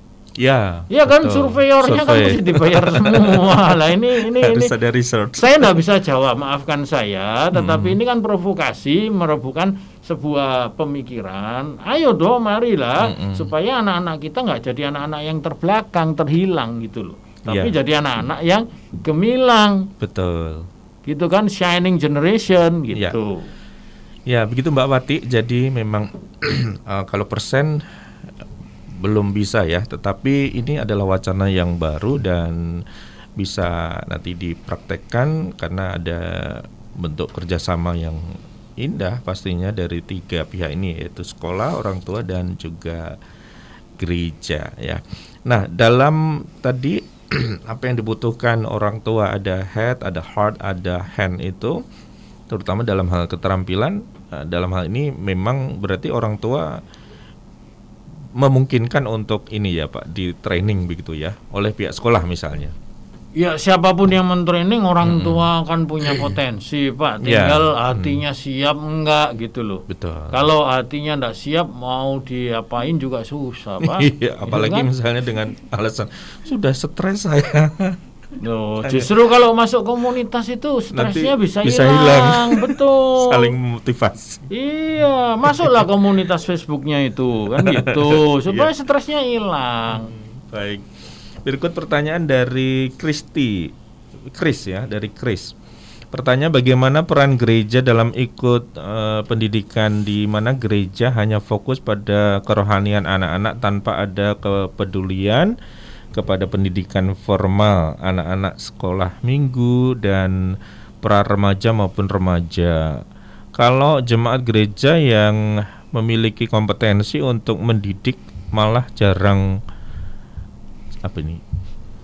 Jarang terli, terlibat ya dalam pelayanan guru sekolah minggu maupun pengajar di gereja ini. Ya itu berawal sebenarnya kalau saya mau tarik sampai kepada apa itu muaranya gitu ya. Sampai apa dari sumbernya ya sumbernya STT lah. Inovasi Ya. kurikulum STT zaman sekarang juga nggak bisa nggak inovasi kurikulum. betul Gitu kan? ya Kalau mau kita urun rembuk brain, apa brainstorming, ayo kita ngumpul gitu Ya. aja kan tantangannya. betul Nah, setelah itu para hamba Tuhan ini juga harus merefresh Mhm. merefresh eh, gaya pelayanan, merefresh pendekatan pelayanan, approach-nya harus gimana, Hmm. kan gitu. ya Dan itu eh, harusnya bisa dilakukan gitu kan. Sekali lagi saya nantang ini off air dengan hamba-hamba Tuhan. Ayo, Ya. gitu kan. Mhm. Kita diskusi lah, wedangan lah, gitu Betul. kan. Gitu. Iya. Bawa wedang sendiri-sendiri dari rumah. itu namanya wetangan ya iya. Wedang Bondo Dewi. Ya, ini ada dari Mbak Cahyani bertanya, saya mau tanya ini kalau misalnya saya sebagai seorang ibu yang bukan guru melihat anak-anak yang nggak punya HP kesulitan untuk belajar, jika saya terbeban untuk mengajak anak-anak itu belajar sambil membimbing mereka untuk belajar keterampilan atau hasil karya yang mudah dipahami anak-anak, ya, eh, ini apa ini? Karena saya biasa mengajar anak sekolah minggu itu bagaimana caranya jika itu di daerah saya apakah harus lewat RT dulu untuk melakukan hal tersebut mohon penjelasannya terima kasih Eh, tadi malam saya kedatangan rekan dari Sragen. ya Beliau tinggal di sebuah perumahan yang sedang membangun balai RT. hmm. Loh kenapa enggak? Mintalah sponsor kepada BUMN yang bisa memberikan akses gratis Ya. buat pembelajaran. Urunan lah router yang kuat bisa menjangkau sampai satu kilometer pun sekarang ada. Mhm. nggak mahal nggak sampai 500 ribu. Ya diurun berapa rumah gitu kan? Mhm. Nah tinggal nanti memang HP-nya kalau HP ini ya susah kalau dibeliin orang lain gitu kan? HP itu kan pribadi namanya handphone ya. Iya. jadi sulit gitu kan? Tapi saya pikir komunitas gereja gereja itu punya kekuatan ekonomi jemaatnya yang berbeda-beda. Ya ya bikin koperasi lah. Hmm. gitu kan? Koperasi kayak koperasi amanah atau apa begitu gereja. Lah koperasi itu kan kalau kalau kalau apa itu namanya eh, orang tua kan bisa kredit kek. Ya ya tapi yang yang kredit ya harus harus rumongso ya. Jangan minta yang iPhone berapa gitu kan. Ya yang cukup lah untuk pembelajaran Ya. gitu kan. Gitu. Apakah eh, seperti tablet juga sekarang ada yang murah khusus untuk pembelajaran. Hmm. tapi jangan macam-macam yang mau bikin video konten dan lain-lain lah Ya. inspeknya. Tapi untuk anak cukup gitu Ya. kan betul. Gitu. Apalagi kan dapat support kuota ya dari pemerintah. Nah itu dia. Waduh. Cuma support kuota memang tidak merata pak dan Ya. datanya itu tidak kadang-kala tidak update gitu loh. Gitu ya. Jadi yang seharusnya dapat tidak dapat, yang seharusnya tidak dapat, dapat. gitu kan? Salah sasaran ada itu gitu ya. Iya betul. Nah berkaitan dengan ah, tadi ya, ya semua yang dibutuhkan oleh orang tua, head, eh, kemudian heart dan juga hand, maka memang berarti memang perlu juga didukung dari sistem pendukung yang lain, misalnya pemerintah, gereja dan apa sekolah begitu, termasuk Oh, untuk orang iya, tua Iya betul betul betul. Kalau pemerintah kan pembuat regulasi dan yang punya duit paling gede kan gitu. Ya, Ya itu yang diturunkan regulasinya ya jangan jangan kayak dulu anak harus UN. Nah ini sudah dibebaskan. Sudah. Anak harus pakai kurikulum tertentu dan harus diajar guru yang bersertifikat.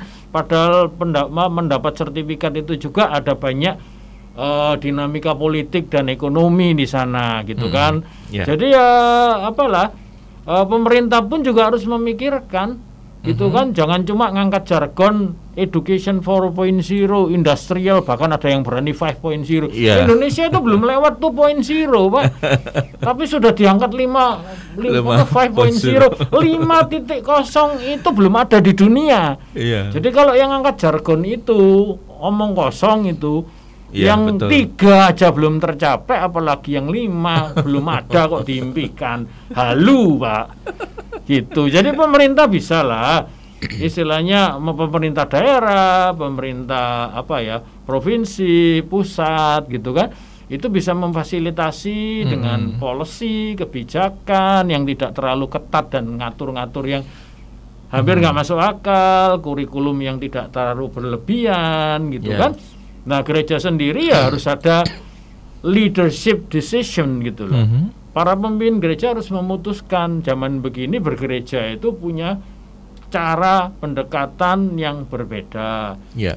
Jadi eh, kalau gerejanya kosong sudah terlanjur bangun gede, Mbuk Yao, Mbuk Yao itu bahasa apa, Pak ya?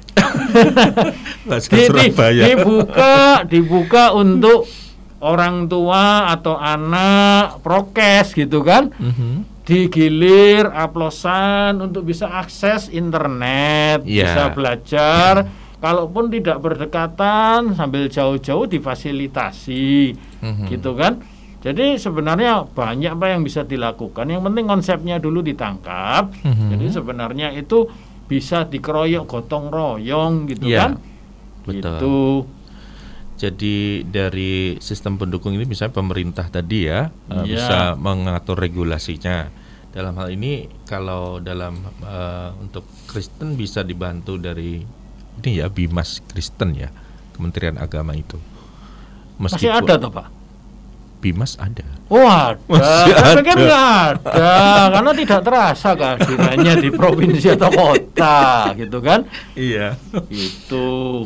Kalau kalau ada, mari kita mau diskusi dulu, gitu Bisa kan? ya. Cari pola, Mhm. cari model. Ayo, nantang ini ya. Begitu. Nggak apa-apa sih kalau saya dibenci orang ya biar yang terselamatkan anak-anak gitu kan? Yang penting niatnya baik. Betul, betul, generasi. betul. Kan bukan untuk saya, Betul. gitu.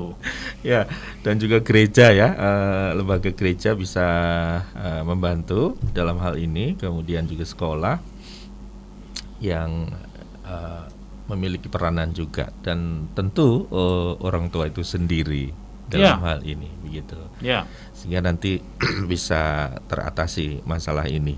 Untuk co-schooling ini eh, ketika pandemi ini terus kita nggak tahu ya kapan selesainya Oh, nggak ada yang tahu, Nah, Pak. makanya. Makanya. itu gubernur sudah mendeklarasikan masuk bulan Juli. Alon-alon hati-hati gitu kan. Begitu ada Ya. satu yang kena, karena anak-anak kan belum divaksin, Pak. Ya belum. Yang manula aja ada yang nggak mau divaksin gitu kan, atau Betul. yang nggak belum sempat divaksin. Ya. Nah, kalau ketularan nanti kan tutup lagi, maju Hmm. mundur, maju mundur gitu kan. Jadinya cantik. iya, cantik apa enggak saya nggak tahu.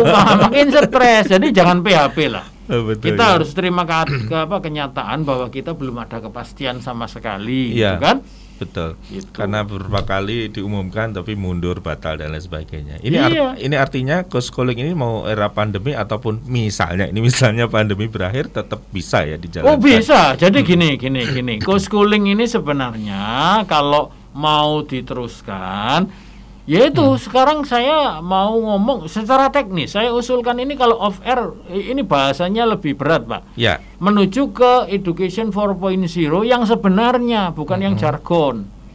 Kan gitu. Bukan sekedar penggunaan internet. ya, Tapi itu penjelasannya jadi waduh panjang, Pak. Karena di India ya. penelitian dan artikel serta bukunya ada itu Mhm. Saya bisa berikan tapi ya tentunya harus Inggris-Inggrisan ya begitu nah itu ada statistiknya ada angkanya gitu kan. Jadi sebenarnya uh, co-schooling ini bukan sesuatu yang baru hanya penamaan yang baru gitu kan. Karena education 4.0 bukan cuma penggunaan internet Ya. bukan penggunaan medsos bukan penggunaan digital platform saja itu termasuk. Tetapi juga kerjasama.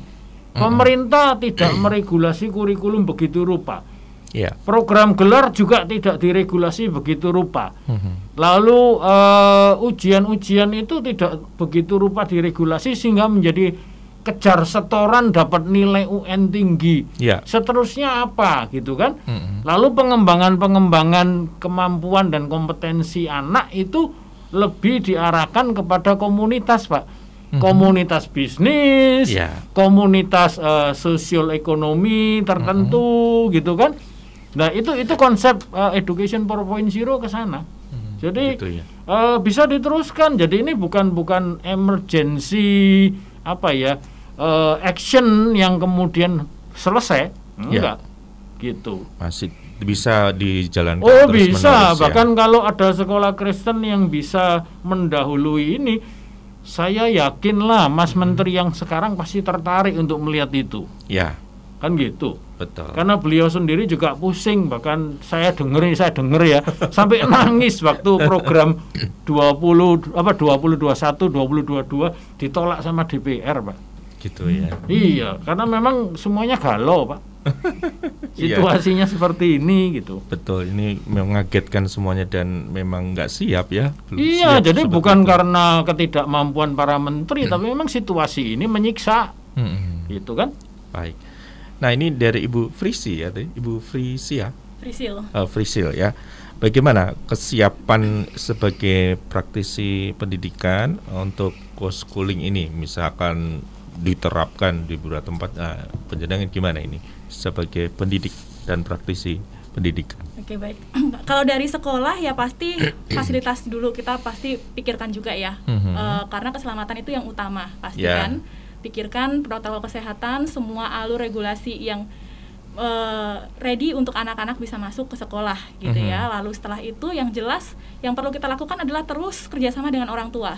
Kalau Ya. tadi Pak Isa kan sudah menyampaikan bahwa orang tua itu adalah pendidik utama Ya. sebenarnya kalau menurut Alkitab gitu ya. Ya. Nah ini kita bangun kerjasama dengan orang tua. Jadi sekolah bukan hanya terus menyalah-nyalahkan orang tua juga gitu ya. Betul. Kenapa anaknya kok nggak belajar? Kok kenapa anaknya begini? Tetapi Mhm. kita sama-sama dengan orang tua duduk bersama tadi ya, duduk Iya. bersama ngobrol dengan orang tua karena ini pun orang tua juga banyak yang tidak punya keterampilan untuk mendidik anak. Betul. Nah sekolah mungkin juga punya keterampilan untuk hal itu. Ya. Kita sama-sama tularkan di sini Mhm. banyak banyak waktu untuk ber- bekerja sama dengan orang tua, berbicara dengan orang tua gitu ya. Terus setelah itu juga regulasi dengan pemerintah, Mhm. bagaimana eh, kita terus bekerja sama dengan pemerintah baik secara kurikulum maupun secara kesiapan semuanya gitu ya. Pemerintah akan terus pantau. Nah, itu baru kemudian kita juga siapkan eh, untuk eh, pertemuan tatap muka nanti jika itu Iya. diizinkan seperti Betul. itu. Ada hambatan-hambatan ini dalam membangun ini, maksudnya kerjasama seperti ini, kira-kira? Hambatan-hambatan ya banyak gitu ya. Pertama, kalau dari eh, dinas pendidikan sendiri pun juga kadang kan eh, apa ya, yang tadi disampaikan kurikulum dimintanya full misalnya kayak gitu kan. Iya. Walaupun sekarang sudah ada kurikulum darurat ya memang ya, tetapi kan Mm-mm. ini saya kemarin menghadapi ada ujian sekolah. Ujian Oh. sekolah ternyata dari dinas masih ada kisi-kisi yang diberikan yang diminta padahal Sa- saya potong itu. sedikit Iya. Bu, ujian sekolahnya itu kan Diknas provinsi atau Diknas kota kan, Betul, bukan betul. Diknas yang Betul. pusat. Ya. Betul, Nah ini betul. masalahnya di pemerintah. Betul, Silakan Bu, itu, iya. lanjut aja realita ini Iya ya. betul. Jadi ada ada kisi-kisi yang diberikan, tetapi tidak tidak sama dengan eh, kurikulum darurat yang sudah disampaikan oleh Hmm, pemerintah gitu. Jadi tetap begitu. mau tidak mau anak-anak ada pembelajaran yang belum mereka pelajari tetapi dikeluarkan juga. Gitu. Lalu gimana? Harus belajar Iya. tambahan lagi? ada pelajaran tambahan, makanya sekolah juga sudah bersiap-siap ya. Misalnya Hmm. pembelajaran untuk kelas 9, kelas 12 itu selesainya lebih awal daripada Hmm. anak-anak yang lain karena kan memang mereka persiapan untuk ujian sekolah, ujian nasional kalau sebelumnya Iya. gitu kan. Terus kendala juga di pemerintah eh di orang tua, Hmm. paradigma orang tua itu yang masih perlu untuk dibongkar memang ya bahwa Mhm. pendidikan orang tua mikirnya pendidikan itu ya hanya punyanya sekolah, orang tua ya membiayai saja gitu ya. Padahal ini sekarang kondisinya sudah seperti ini, mau nggak mau orang tua terlibat di dalam hal itu. Betul. Iya membiayai juga nawar terus Pak. nah ya gurunya apa gak makan gitu kan? Minta diskon terus. iya, seakan-akan oh, masuk ini tok cek larangi, Lah, diturunkan, diturunkan. Nah, ya Betul. gurunya akhirnya nggak ada yang mau ngajar karena gajinya turun terus nanti. Karena orang tua merasa loh saya yang ngajar sekarang. iya, itu kan komunitas itu simbiosis ya, Iya, dan betul. itu eh, ekosistem. Jadi kalau yang satu itu berkurang, yang lain juga berkurang gitu loh. Hmm, gitu ya.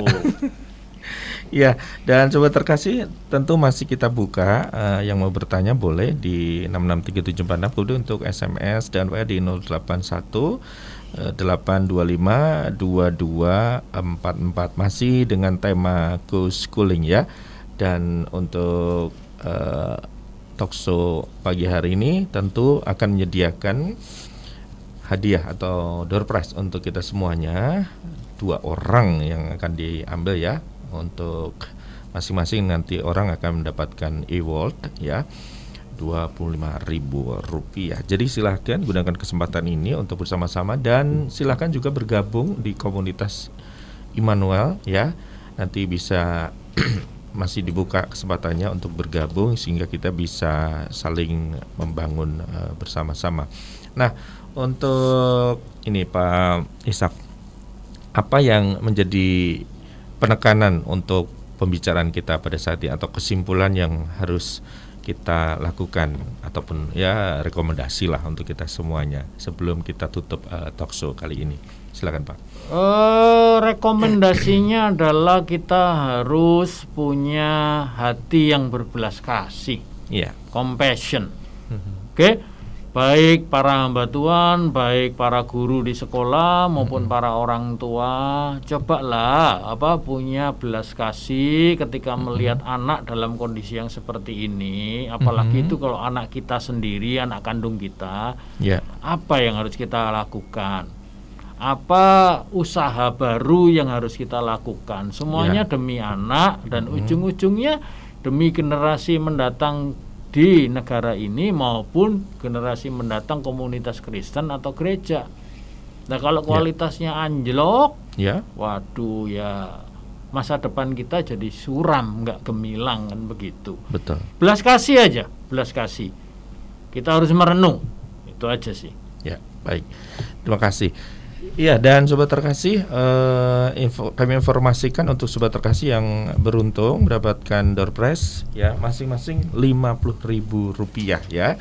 Dan saya informasikan dan silakan juga sobat terkasih bisa menantikan talkshow berikutnya. Tetap stay tune di 94,3 FM Immanuel Peaceful Station. Harapannya Uh, melalui talkshow ini kita akan semakin memiliki beban untuk ya mendidik anak kita dengan kerjasama tentunya melalui program co-schooling yang disampaikan oleh Pak Isa Suhonggo tadi.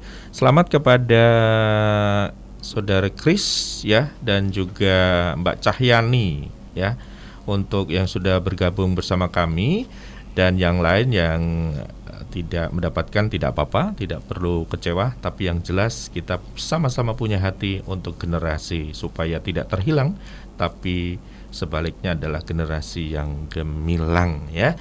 Terima kasih Pak Ishak. Kemudian Terima kasih. terima kasih Bu Frisil ya. Iya. Terima kasih untuk semua yang sudah bergabung beratensi di pagi hari ini dan kita bisa bertemu di lain kesempatan. Semoga semuanya tetap sehat dan selalu bersandar kepada Tuhan. Tuhan Yesus memberkati kita semuanya. Shalom Immanuel.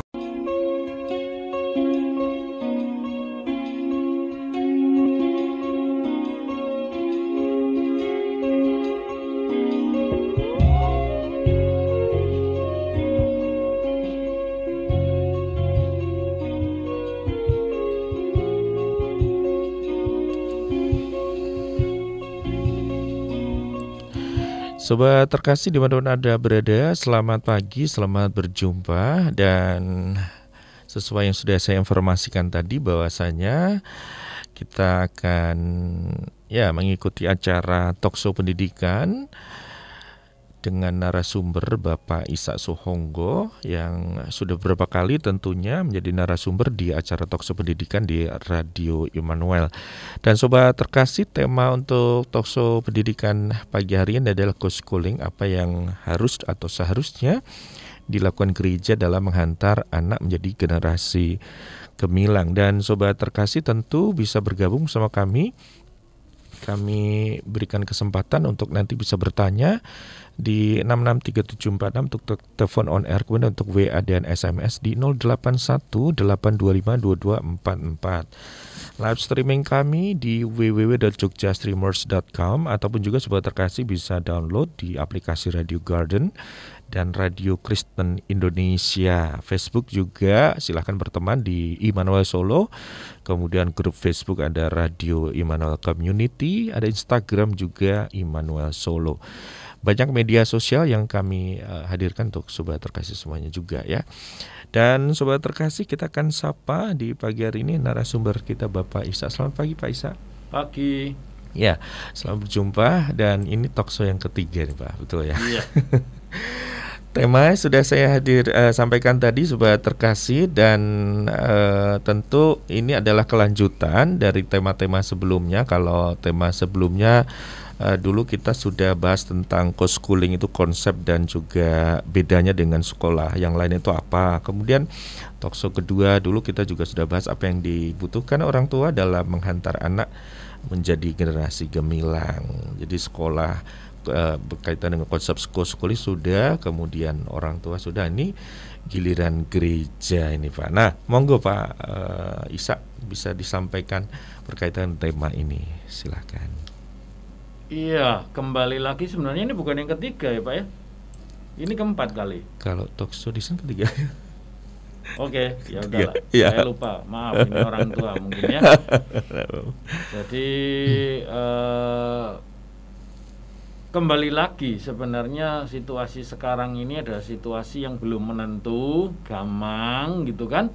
Sehingga pendidikan anak ini tidak boleh dikorbankan karena tiga institusi yang sebenarnya di dalam Alkitab itu ditugaskan untuk mengampu Mhm. pendidikan anak Ya. untuk masa depan itu harusnya berkolaborasi Ya. bukan jalan sendiri-sendiri dalam kepanikan. Ya. Jadi ada orang tua itu yang penerima mandat utama untuk mendidik anak, Mhm. ada juga gereja gitu kan. Ya. Lalu ada sekolah dan itu semuanya harus berkolaborasi lah. Pagi Ya. ini kita fokus ke gereja ini Gereja, ya. betul. Oke, ya kira-kira singkatnya itu. Nanti Mhm. kalau mau mungkin kita eh, saya akan share PDF-nya. Mhm. Nggak tahu ditaruh di mana. Mungkin teman-teman yang tuning atau yang mengikuti bisa eh, melihat begitu ya. Ya.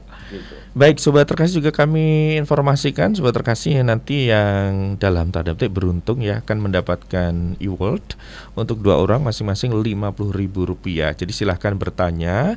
Nanti kita akan pilih dua orang untuk mendapatkan hadiah lah katakanlah demikian dari Edu Manuel masing-masing puluh ribu rupiah. Nah ini Pak Isa berkaitan dengan gereja ya memang uh, pasti kena dampaknya dari pandemi itu. Jadi pada waktu itu mungkin sampai sekarang ada gereja yang juga masih bingung bagaimana menerapkan ini ya uh, situasi yang di new normal ini tentang misalnya ibadah begitu ya. Misalnya apakah apa onset, off uh, online dan lain sebagainya tentu juga harus prokes begitu. Nah kira-kira kegalauan-kegalauan seperti ini memang nyata atau seperti apa ini Pak uh, Isa waktu itu eh, gereja-gereja uh, ya? Iya, kalau mau ditanyakan yang lebih tahu sebenarnya para pemimpin gereja ya. ya. Cuma hmm. saya kan pengamat dari luar dan kadang-kala itu tidak valid. Cuma saya ingin mengatakan terkesan, kesan itu belum tentu 100% benar ya. ya. Terkesan itu ada kebingungan dan hmm. banyak pemimpin gereja, pemimpin sinode yang kepingin balik ke old normal atau normal lama. Yang Padahal lama gitu saya pribadi kalau ini kita bisa mm -hmm. berdebat lah. Saya tidak yakin dan uh, itu bisa dilakukan dan saya yakin bahwa kita tidak bisa kembali lagi ke old normal. Iya. Yeah. Gitu. Padahal ada ada infrastruktur baik fisik mm -hmm. maupun non fisik di gereja itu yang sudah terlanjur sulit untuk dirubah. Mm -hmm. Gitu. Jadi itu kegalauan yang ada sehingga uh, kita juga harus harus apa ya harus dengar dengaran akan uh, kehendak Tuhan sambil kita yeah. sensitif terhadap situasi sekarang ini gitu mm -hmm. kan kalau kalau mau direnungkan ya sambil direnungkan akhir minggu ini tanya saja siapa sih yang sebenarnya sekarang mm. memegang kepemimpinan aktual atas jemaat atau umat Allah iya benar nggak pendeta lokalnya mm -hmm. benar nggak ketua sinodenya ya. dengan ibadah online anggotanya ya. sudah ngelayap ke sana kemari. Betul. Uang persembahannya juga belum tentu itu dimasukkan ke uh, gereja yang dulunya ya memang ada gereja yang pakai ya. kantong persembahan pak ya. Iya. Jadi jadi sungkan kalau mau ngasih berapapun besarnya tapi sekarang ini kan nggak bisa. Hmm. Gitu. Jadi ada banyak pertanyaan yang harus direnungkan pertanyaan tentang tata ibadah misalnya. Iya. Itu kan Bagaimana kita mau melanjutkan itu? Lalu identitas dari umat Allah ini apa? Mm-hmm. Identitas sinodal, identitas doktrin, yeah. gitu kan? Mm-hmm. Identitas gaya ibadah atau worship style, gitu mm-hmm. kan? Musiknya, apalagi gitu kan? Jadi eh, banyak lah yang harus di, anu mungkin para pendeta, para pimpinan sinode mm-hmm. ini harus jujur dengan diri sendiri, nggak usah jujur dengan yang lain-lain, jujur dengan diri sendiri, gitu yeah. kan?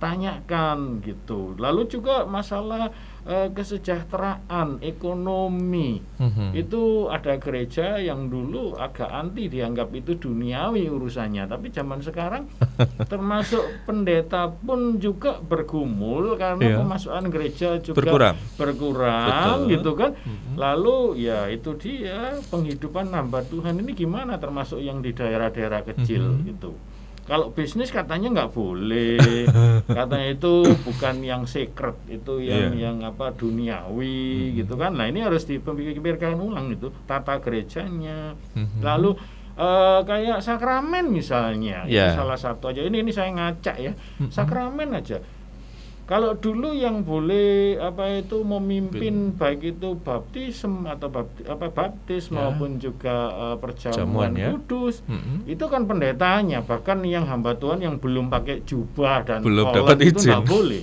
ya. Lah kalau sekarang nah, pendetanya cuma aba-aba dari YouTube. Yeah. Yang nyediain anggur atau apa mau mm-hmm. satu gelas kecil yeah. atau satu botol kan dia nggak tahu Jemaatnya sendiri-sendiri. Iya, jadi ayo satu dua tiga lalu diminum, kemudian hmm. ada ayatnya. Lah, yeah. ini ini ini tata tata tata gereja kan. Jadi hmm. atau sakramen itu gimana? Apakah hmm. Alkitab itu mengizinkan atau tidak? Lah itu yang tapi kalau mau di, di summary atau disimpulkan harus dibedakan. Yeah.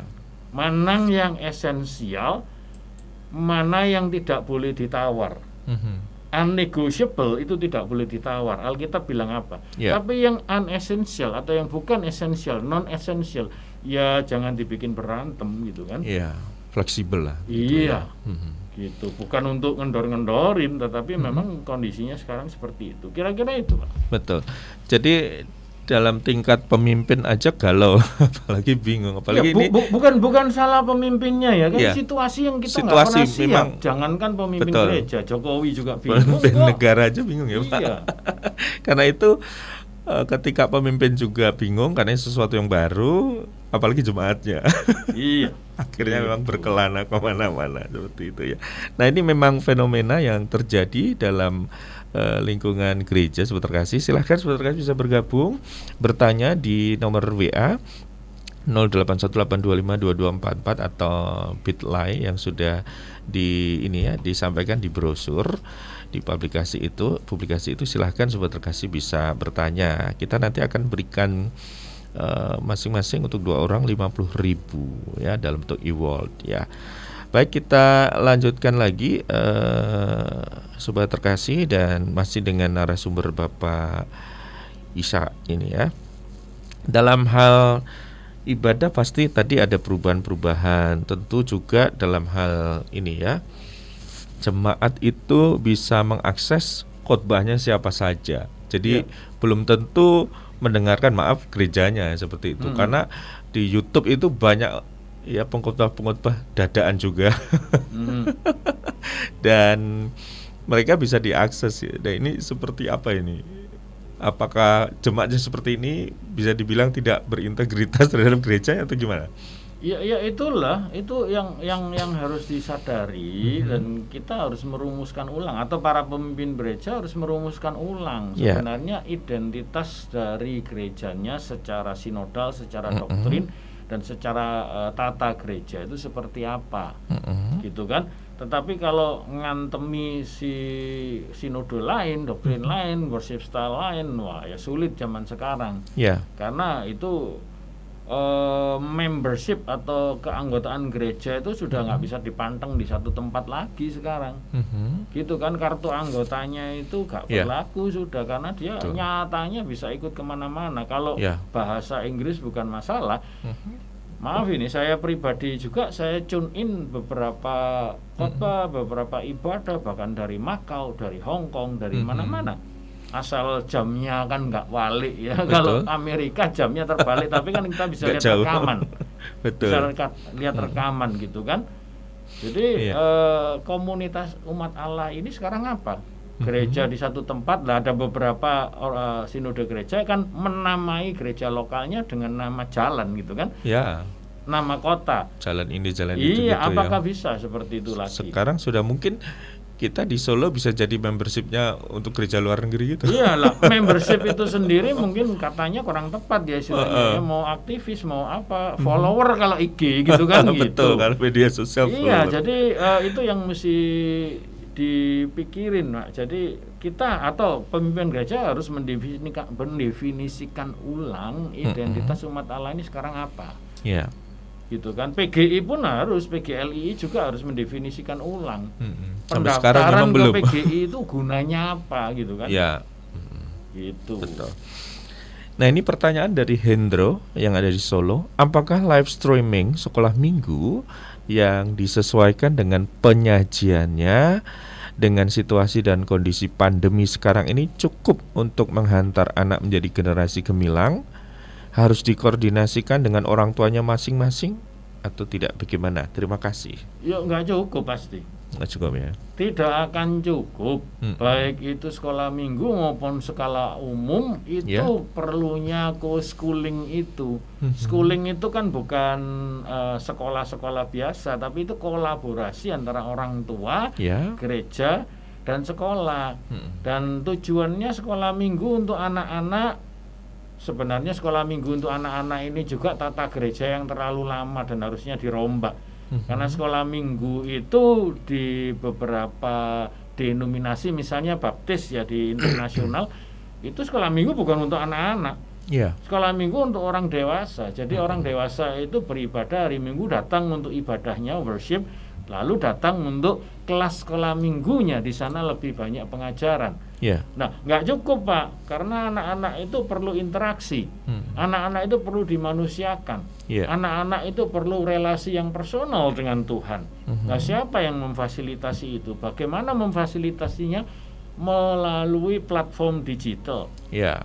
Dan itu bukan sekolah minggu, sekolah pun juga begitu. Kita Betul. punya tujuan yang sama. Jadi Ya. Itu itu perlu perlu pengembangan, perlu Hmm. diskusi, perlu brainstorming, perlu keberanian mengambil keputusan Ya. dan perlu training karena guru sekolah minggu biasanya tidak pernah di training. Kalau pun ada training bolos-bolos terus, persiapan bolos-bolos terus. Ya maafkan, saya dulu juga guru sekolah minggu Gitu ya. pusing gitu kan anak saya pernah hilang pak Hmm. di sekolah minggu karena tidak diserahkan orang tuanya Mhm. tidak tahu diserahkan orang lain diajak makan bakso saya pikir diculik itu Nah, kayak gitu itu guru sekolah minggu tidak ngerti prosedur trainingnya gimana dan lain-lain Iya. jadi ya terus kemudian aktivitasnya nanti cuma fotokopian yang diwarnai Iya. dan itu berapa abad sejak saya kecil dulu sampai berubah. sekarang masih begitu. Jadi ya bukan apa-apa itu kondisi, tapi kita harus kembangkan. Mau nggak Hmm. mau harus berani gitu. Ya, baik. Jadi memang tidak cukup ya dan harus dikoordinasikan tadi dengan orang tua pastinya. ya, Betul. seperti itu. Ya.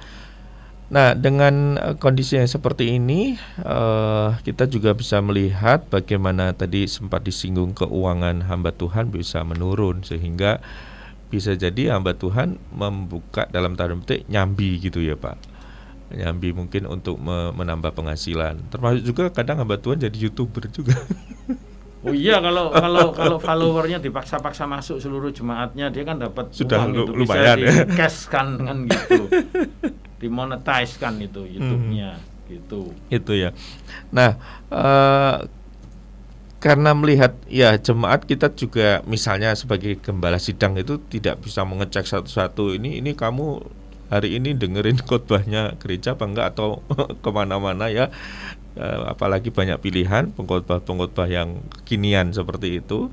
Nah, ketika misalnya ini ada jemaat, lah aku banyak diberkati dari YouTube ini khotbahnya ini, jadi aku kasih persembahan dong kepada youtuber ini pengkhotbah ini. Ini kira-kira seperti apa ini? Ya itu tidak bisa dihindari, Pak. Iya. Itu tidak bisa dihindari dan itu harus diterima oleh para pemimpin gereja. Mhm. Karena itu saya mendorong selain harus memikirkan ulang itu Mhm. apa ya eh, tata gereja sinode, identitas eh, gerejanya masing-masing secara doktrinal, secara Mhm. ini dan itu gitu kan.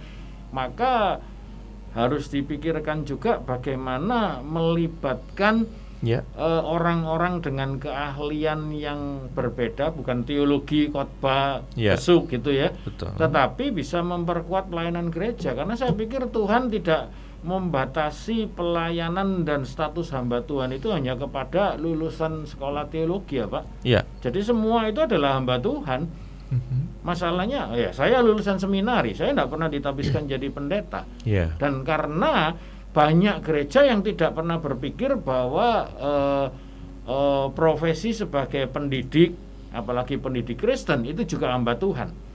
Dianggapnya ya cuma eh, itu profesi biasa, Hmm. itu profesi yang bukan sakral gitu kan, yang boleh naik mimbar, yang boleh baptis, yang boleh perjamuan kudus, mimpin itu cuma yang pakai Mm-mm. toga hitam-hitam dengan apa kolan putih dan lulusan seminari loh. Saya saya lulusan seminari. Gitu ya. Tetapi gereja-gereja belum terbuka. Mhm. Ada banker, ada ekonomis, Iya. ada uh, orang IT dan Mhm. mereka itu adalah hamba Tuhan yang bisa dipakai untuk melayani. Betul. Jadi gereja tidak boleh membuang keahlian yang memang Tuhan izinkan Mhm. ada di dunia ini dalam sejarah manusia Mhm. dan menganggap mereka bukan hamba Tuhan. Nah, memang kalau kalau apa itu profesinya maling gitu kan, profesinya pengedar narkoba, ya itu jelas ngantem atau melanggar firman Tuhan kan gitu. Ya. Tapi kalau yang all truth is God truth, semua Mhm. kebenaran itu kebenaran Tuhan, semua Mhm. ilmu itu asalnya dari Tuhan. Mhm. Ya kita harus melibatkan mereka sebagai Betul. tim pelayanan. Kalaupun status kependetaannya belum dikasih, ya Mhm. tolong pikirkan itu. Karena Ya. kalau mereka perlu di, ban- mem- apa, membantu gereja, mereka kan perlu full time. Ya. Kalau part time part time ketengan yang volunteer volunteer gitu ya nggak jadi-jadi yang seperti sekarang ini Iya. kan gitu. Nggak fokus. Gitu. iya, tolong, tolong gitu kan. Mhm.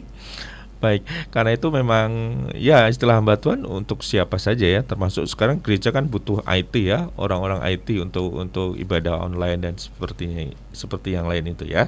Nah, ini ada dari Bu Maria Sobar ya.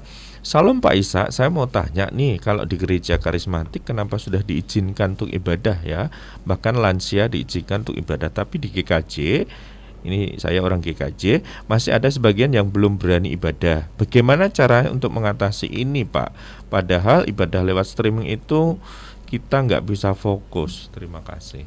Wah, kalau itu tidak ada urusannya dengan apa itu Sinode, ya? denominasi, Denominasi, ya, mau betul. apa um, mainline church ataupun teman-teman dari karismatik Pantai Costa nggak ada urusannya dengan itu. Ya. Urusannya adalah dengan kebingungan pemimpinnya dan kangennya pemimpinnya untuk balik seperti dulu. Lah itu yang saya bilang ini ini harus hati-hati. Padahal nggak karena- bisa ya, balik iya lagi. jadi standar keamanan itu publik ya kesehatan publik kan oleh pemerintah. Ya. lalu yang kedua oleh para medis gitu kan. Lalu juga yang ketiga harus dipikirkan oleh pimpinan gereja risikonya gimana? Ya. gitu kan. Yang terakhir ya pribadi masing-masing dan keluarganya yang harus memikirkan lah orang ini komorbid enggak diizinkan untuk untuk eh, onsite gitu kan. Ya. onsite pun kan nggak seperti dulu. Gereja yang isinya 10.000 ribu orang sekarang nggak bisa Nggak bisa. sepuluh ribu orang. Lalu apa ini AC-nya yang pakai AC sentral powerful itu sekarang nggak bisa Nggak pakai bisa. AC kayak gitu. Satu kena ya mulak semua kena.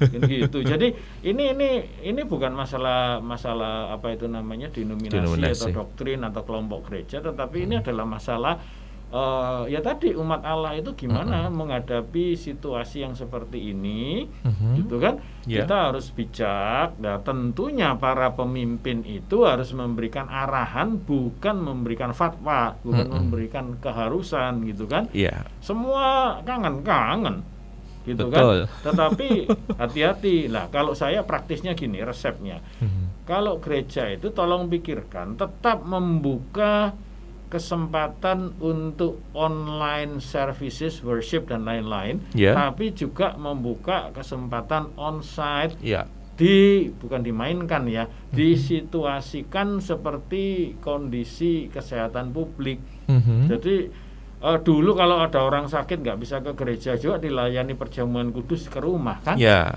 ya sekarang nggak usah fisik.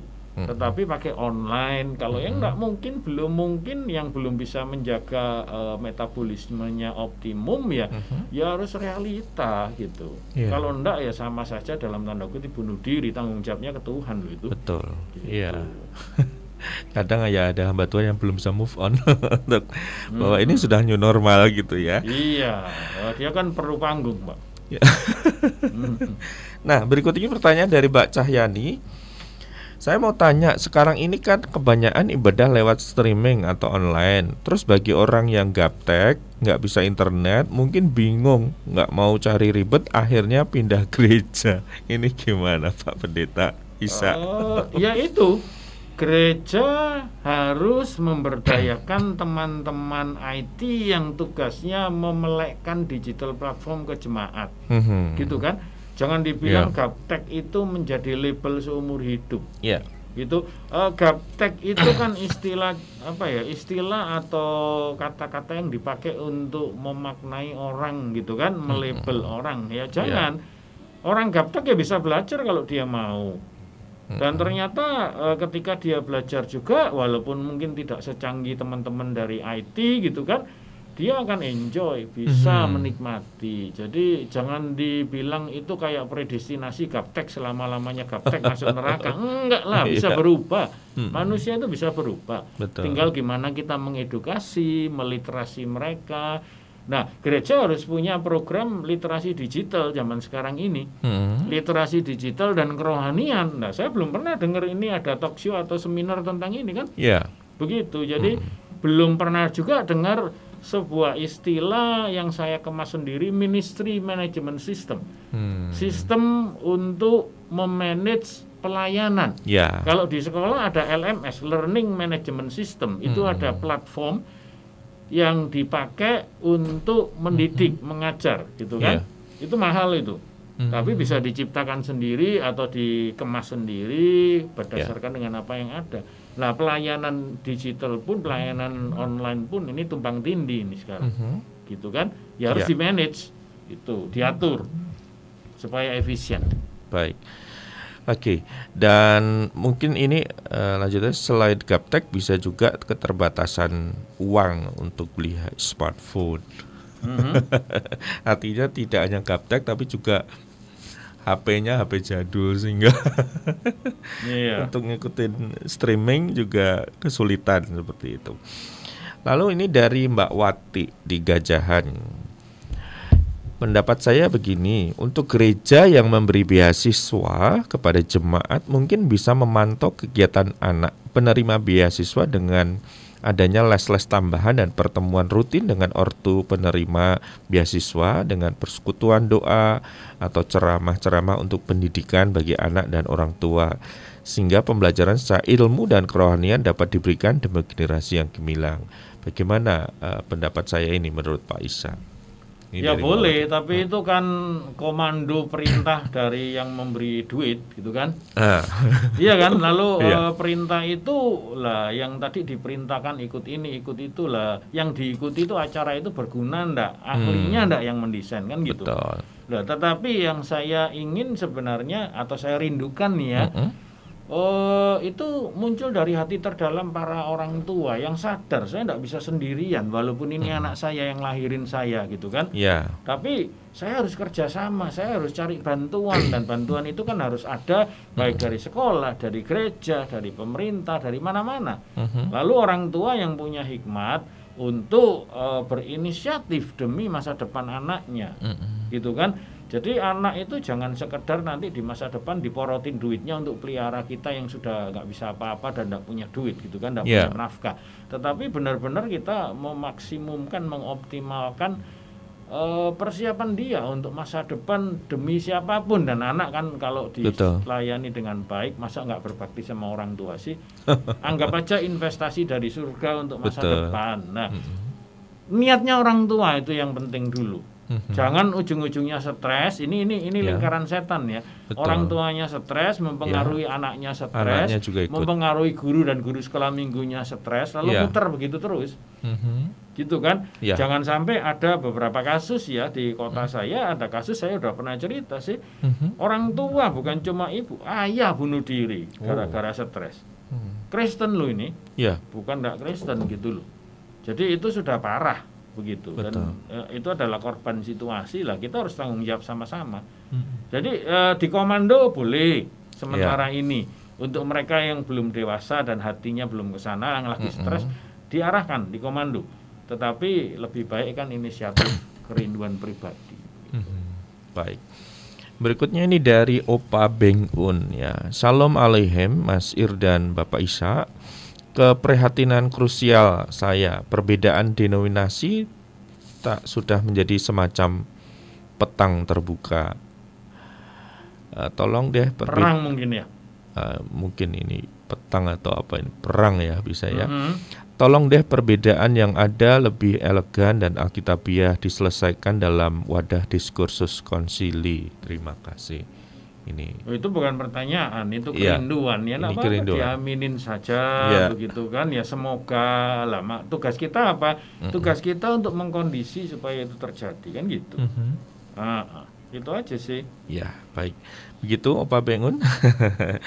Terima kasih sudah eh, beropini dan masih sobat terkasih kami nantikan bagi sobat terkasih yang mau bertanya nanti tersedia buat dua orang e-world masing-masing ribu rupiah ya dan tentu eh, ke acara ini akan eh, terus berjalan sehingga nanti sobat bisa mendapatkan eh, manfaat dan dampaknya.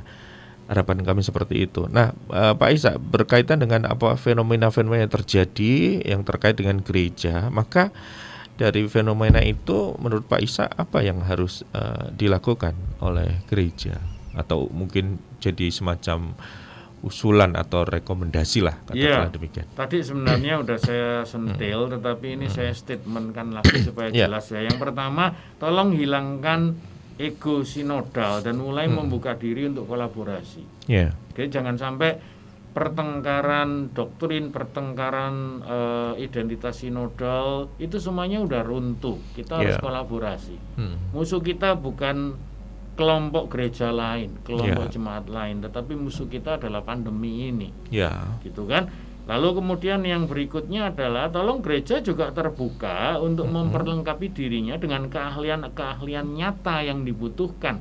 Hmm. Jadi bukan hanya lulusan teologi gitu ya. Ya, Nah, eh, ya IT jelas, betul. orang bisnis jelas, Hmm. Lalu eh, pelayanan untuk mereka yang kesulitan atau pelayanan untuk urban poor itu Mhm. perlu, itu ada ahlinya. Masuk kesehatan Iya. juga ya. Hmm. Sistem ekonomi itu Mhm. juga perlu, bisnis digital itu juga perlu. Oke, Mhm. eh, ya saya belum minta izin ini. Sebenarnya eh, pada bulan Juni saya akan membawa sebuah contoh benchmark. Hmm. Ya. Kalau boleh saya cerita, boleh nyebut merek enggak? Gitu kan? Jadi eh, ada Silakan. ada ada sinode GKI Sinwil Jatim itu Mhm. ketika pandemi menghantam ada dua pendeta dan minimal satu orang IT yang membuat eh, bisnis online untuk mendukung para jemaat yang di desa-desa yang kesulitan menjual eh, hasil buminya karena lockdown. Sedangkan yang di kota Mhm. sulit untuk mendapatkan eh, sayur mayur buah dan lain-lain yang harganya layak dan murah karena pengiriman kan dibatasi Betul. Eh, pasar induk Surabaya Keputaran itu ditutup waktu itu karena ada Mhm. klaster gitu kan Ya. dulu masih wali kota Risma itu Mm-mm. sehingga mereka semburat ke mana-mana sehingga ini diciptakanlah sebuah platform digital gitu kan Mhm. ijol market dan itu bisa pesan secara digital ada sistemnya Iya. gereja yang gedungnya gede-gede sekarang kosong karena kegiatan itu berkurang drastis hampir nol Hmm. dipakai sebagai itu. Hmm. drop point Oh. jadi suplainya di drop ke sana Mhm. jemaat yang mau jadi delivery Mhm. itu nanti di training menjadi delivery supaya Oh, yang di iya. deliver itu juga kualitasnya tidak berkurang atau busuk. Hmm. Wilayahnya juga, sistem pembayarannya juga, apps-nya bisa di download di eh, App Store dan itu Mhm. nggak mahal itu satu tahun kira-kira nggak sampai satu juta Ya. dengan dengan domain dan lain-lain lah ini mereka bukan seorang teologi ya tapi mereka Betul. penatua mereka Mhm. eh, teman-teman yang berkolaborasi dengan para pendeta Ya. nah para pendeta ini adalah pendeta milenial semua Mm-mm. nah nanti eh, tanggal 19 Juni itu dua pendeta akan sharing tentang Oh, iya. eh, bisnis dan entrepreneur mindset Hmm. Sedangkan eh, IT-nya yang me- menciptakan sistem digital itu mantan murid saya akan datang ke Kota Solo untuk membriefing gimana caranya kita menyiapkan ini. Lalu ada satu teman lagi yang tidak bisa datang itu adalah yang menyiapkan platform digital Iya. untuk toko online. Tapi toko Oh. online ini bisa dipakai untuk gereja. Mhm. Jadi itu yang saya namakan eh, ministry management system. System. Ini yang sederhana, yang murah banget gitu kan. Mm-mm. Jadi kita mau menawarkan ministry apa saja dan jemaat yang butuh itu ministry apa saja Mhm. itu bisa lihat ke sana. Itu Iya. juga mantan murid saya. Jadi Hmm. Ya ini ini apa happy-nya bukan untuk saya ya. Betul. Happy-nya pendidik yang punya alumni-alumni apa eh, yang mantan teman-teman Mhm. yang apa anak-anak yang saya didik itu sekarang bisa memuliakan Tuhan lewat bidangnya masing-masing. Betul. Iya. Tapi mereka kan tidak pernah dipendetakan Iya. mereka tidak pernah ditabiskan gitu loh itu poinnya dan kadang-kadang Uh-uh. mereka dikucilkan dianggap itu bisnis biasa iya golek duit Piye toh? Kalau untuk gereja kan selalu gereja nawar, kalau bisa gratis kan gitu. Ya dia cari duitnya Mentalnya di tempat begitu. lain, tapi eh, untuk ke gereja komunitas Kristen ya pasti dia ada harga khusus. Bahkan Betul. kalau memang benar tidak bisa bayar ya digratiskan. Iya. Tapi kan banyak gereja juga yang kipu-kipu gitu kan. Ah, iya. Bisa bayar bilang tidak bisa bayar gitu loh. Itu susah. gitu. Tapi itu itu adalah sebuah anu lah, sebuah benchmark ya, sebuah Mhm. contoh Betul. gitu. Jadi eh, saya berharap ini ini bisa dipikirin gitu ya. Mm-mm. Lalu juga eh, tolong transformasi struktur pelayanan gerejawi. Mhm. Karena kita nggak bisa pakai lah. Contohnya tadi sekolah minggu lah, Iya. komisi remaja lah. Ya tolong pikirkan lagi lah dengan digital online seperti ini apakah struktur itu masih efektif, efektif dan efisien Iya. gitu kan. Lalu kalau mau, mau mentran, uh, mentransformasi struktur itu gimana lah? Itu yang yang harus di uh, rundingan bersama dengan orang-orang yang bahkan di luar teologi dan penggembalaan gitu kan? Betul. kan? Gitu. Lalu yang terakhir ya ini sebenarnya semuanya harus tahu ini hmm. membangun kesengajaan dan segera menyusun rencana tindakan atau action plan. Ya. Nah kalau cuma diwacanakan tok lewat talk show percuma. Iya betul. Nah ini saya nantang ini Radius Immanuel. Satu kali kita uh, blended yeah. on site supaya kita bisa benar-benar berpikir mau ke depannya mm-hmm. untuk jemaat-jemaat di Solo ini mau apa gitu loh. Iya. Ayo bantu, saya bantu hmm. nanti untuk memfasilitasi. Saya tidak hmm. ngambil keputusan kan, bukan jemaat saya. Yeah. Monggo silakan, tetapi paling tidak ada kebersamaan, hmm. ada kesengajaan untuk menyusun rencana tindakan. Hmm. Kalau enggak wacana ya memang orang Indonesia suka wacana. kan gitu. Jadi tapi lupa. kalau wacana ya enggak ada gunanya lah. Iya betul. Begitu. Gitu ya. Pak kira-kira Pak. Terlalu banyak saya memberi nasihat nanti malah di. nah menarik tadi dari apa yang disampaikan eh, contoh yang ada di Surabaya itu untuk yang ya istilahnya orang-orang yang kompeten di bidangnya lalu terjun memaksimal untuk pelayanan itu tadi dan itu tadi untuk umum ya Pak artinya tidak hanya jemaat di situ tapi yang lain bisa Duh, bisa sup suppliernya dari lingkungan jemaat hmm. tetapi belakangan ini memang mereka terbuka untuk umum bahkan untuk ada umum, ya? supplier ya? dari Jawa Tengah oh ya oh. tapi anak Tuhan juga betul gitu kan Lalu hmm. kalau jangkauan distribusinya hmm. itu ya berdasarkan kemampuan delivery. Hmm. Ya kalau jualnya itu batik begitu ya bisa di delivery sampai Papua biar dua tahun batik kan nggak busuk. Iya. Tapi kalau itu jeruk itu ya, ya sayur ya kita harus lah itu sistem bisnis. Hmm. Itu kita mau delivery terjauh berapa hari sampai hmm. mana dan gimana cara mengemasnya. Duh, orang yeah. uh, apa ya istilahnya ya orang umum dan para bisnismen yang bukan Kristen aja sudah punya. Ya. Udah lebih baik saya nggak sebutin mereknya, tapi mm -hmm. ada. Lah ini adalah untuk pemberdayaan jemaat gitu mm -hmm. kan. Ya. Dan mereka punya divisi khusus untuk uh, orang-orang susah lah, nggak tahu namanya apa nanti monggo silakan. Jadi yeah. istilahnya orang itu nggak harus beli, tapi memang disumbang. Hmm. Oh, begitu. Cuma ada kriterianya, ada sistemnya digital semua, Pak. Ya ada cara klarifikasinya dan lain-lain. Mm -hmm. Dan itu beberapa termasuk hamba-hamba Tuhan yang memang kesusahan di daerah-daerah kecil. Yeah. Ya ini kan ini sistem bisnis kan harus dimainkan. Mana yang bisa Betul. dikirim jauh, mana yang tidak bisa dikirim jauh dan lain-lain gitu. -hmm. yeah. Jadi itu itu itu sebuah benchmark ya. Betul. Begitu. Dan nah, kalau mau di Google itu hijau market atau di App Store itu aplikasinya uh, mm -hmm. sudah bisa di-download. Hmm. Tapi belum tentu Anda di Jawa Tengah bisa beli karena jarak itu ya jarak, dan ya. barangnya. Ya. Gitu. Ya, kalau batik bisa tadi ya. Iya, makanya batik, Solo kan ada batik. Kenapa Betul. enggak? nah, kalau saya beli batik, saya keluyuran Klewer tempat-tempat lain gitu kan. Iya. Tapi sekarang kan sulit kalau keluyuran ke pasar-pasar. Sehingga kita kalau beli online kenapa tidak? lo online store yang lain jualan ya masa Kristen tidak jualan kan gitu baik kalau memang eh, artinya sudah dibuka untuk umum itu artinya peran dan dampak dari umat Tuhan semakin lebar ya semakin iya. luas bisa dirasakan iyalah itu nanti dirumuskan menjadi hmm. pendekatan misi hmm. pendekatan pemuritan kan ya. ke sana Mm-hmm. Nah, tidak bisa pakai komisi-komisi dia, komisi misi begitu kan, ada mission trip. itu kan pola lama, bukan jelek, yeah. tapi tidak memungkinkan zaman sekarang. Zaman sudah berubah pasti. Iya. Oke, orang pesawat aja banyak yang tidak terbang ke negara lain ya. Baik. Dan sobat terkasih, waktu terus berjalan. Nanti kita akan umumkan untuk sobat terkasih yang berhak mendapatkan e-vault ya masing-masing eh, lima puluh ribu rupiah untuk dua orang ya. Nah di akhir dari talkshow ini eh, mungkin Pak Isa bisa menyampaikan apa pesan ataupun garis besar untuk kita semuanya berkaitan dengan tema ini. Silahkan Pak. Uh, pesan apa Pak ya? Jadi ya, ya saya mau mendorong aja. Mm -hmm. Saya mau memprovokasi aja para pemimpin gereja, para Yeah. orang tua, para pimpinan sekolah gitu kan. Mm -hmm. Nah, saya kan tidak punya otoritas untuk menentukan di organisasi dan gereja Anda masing-masing bahkan Yeah. keluarga Anda.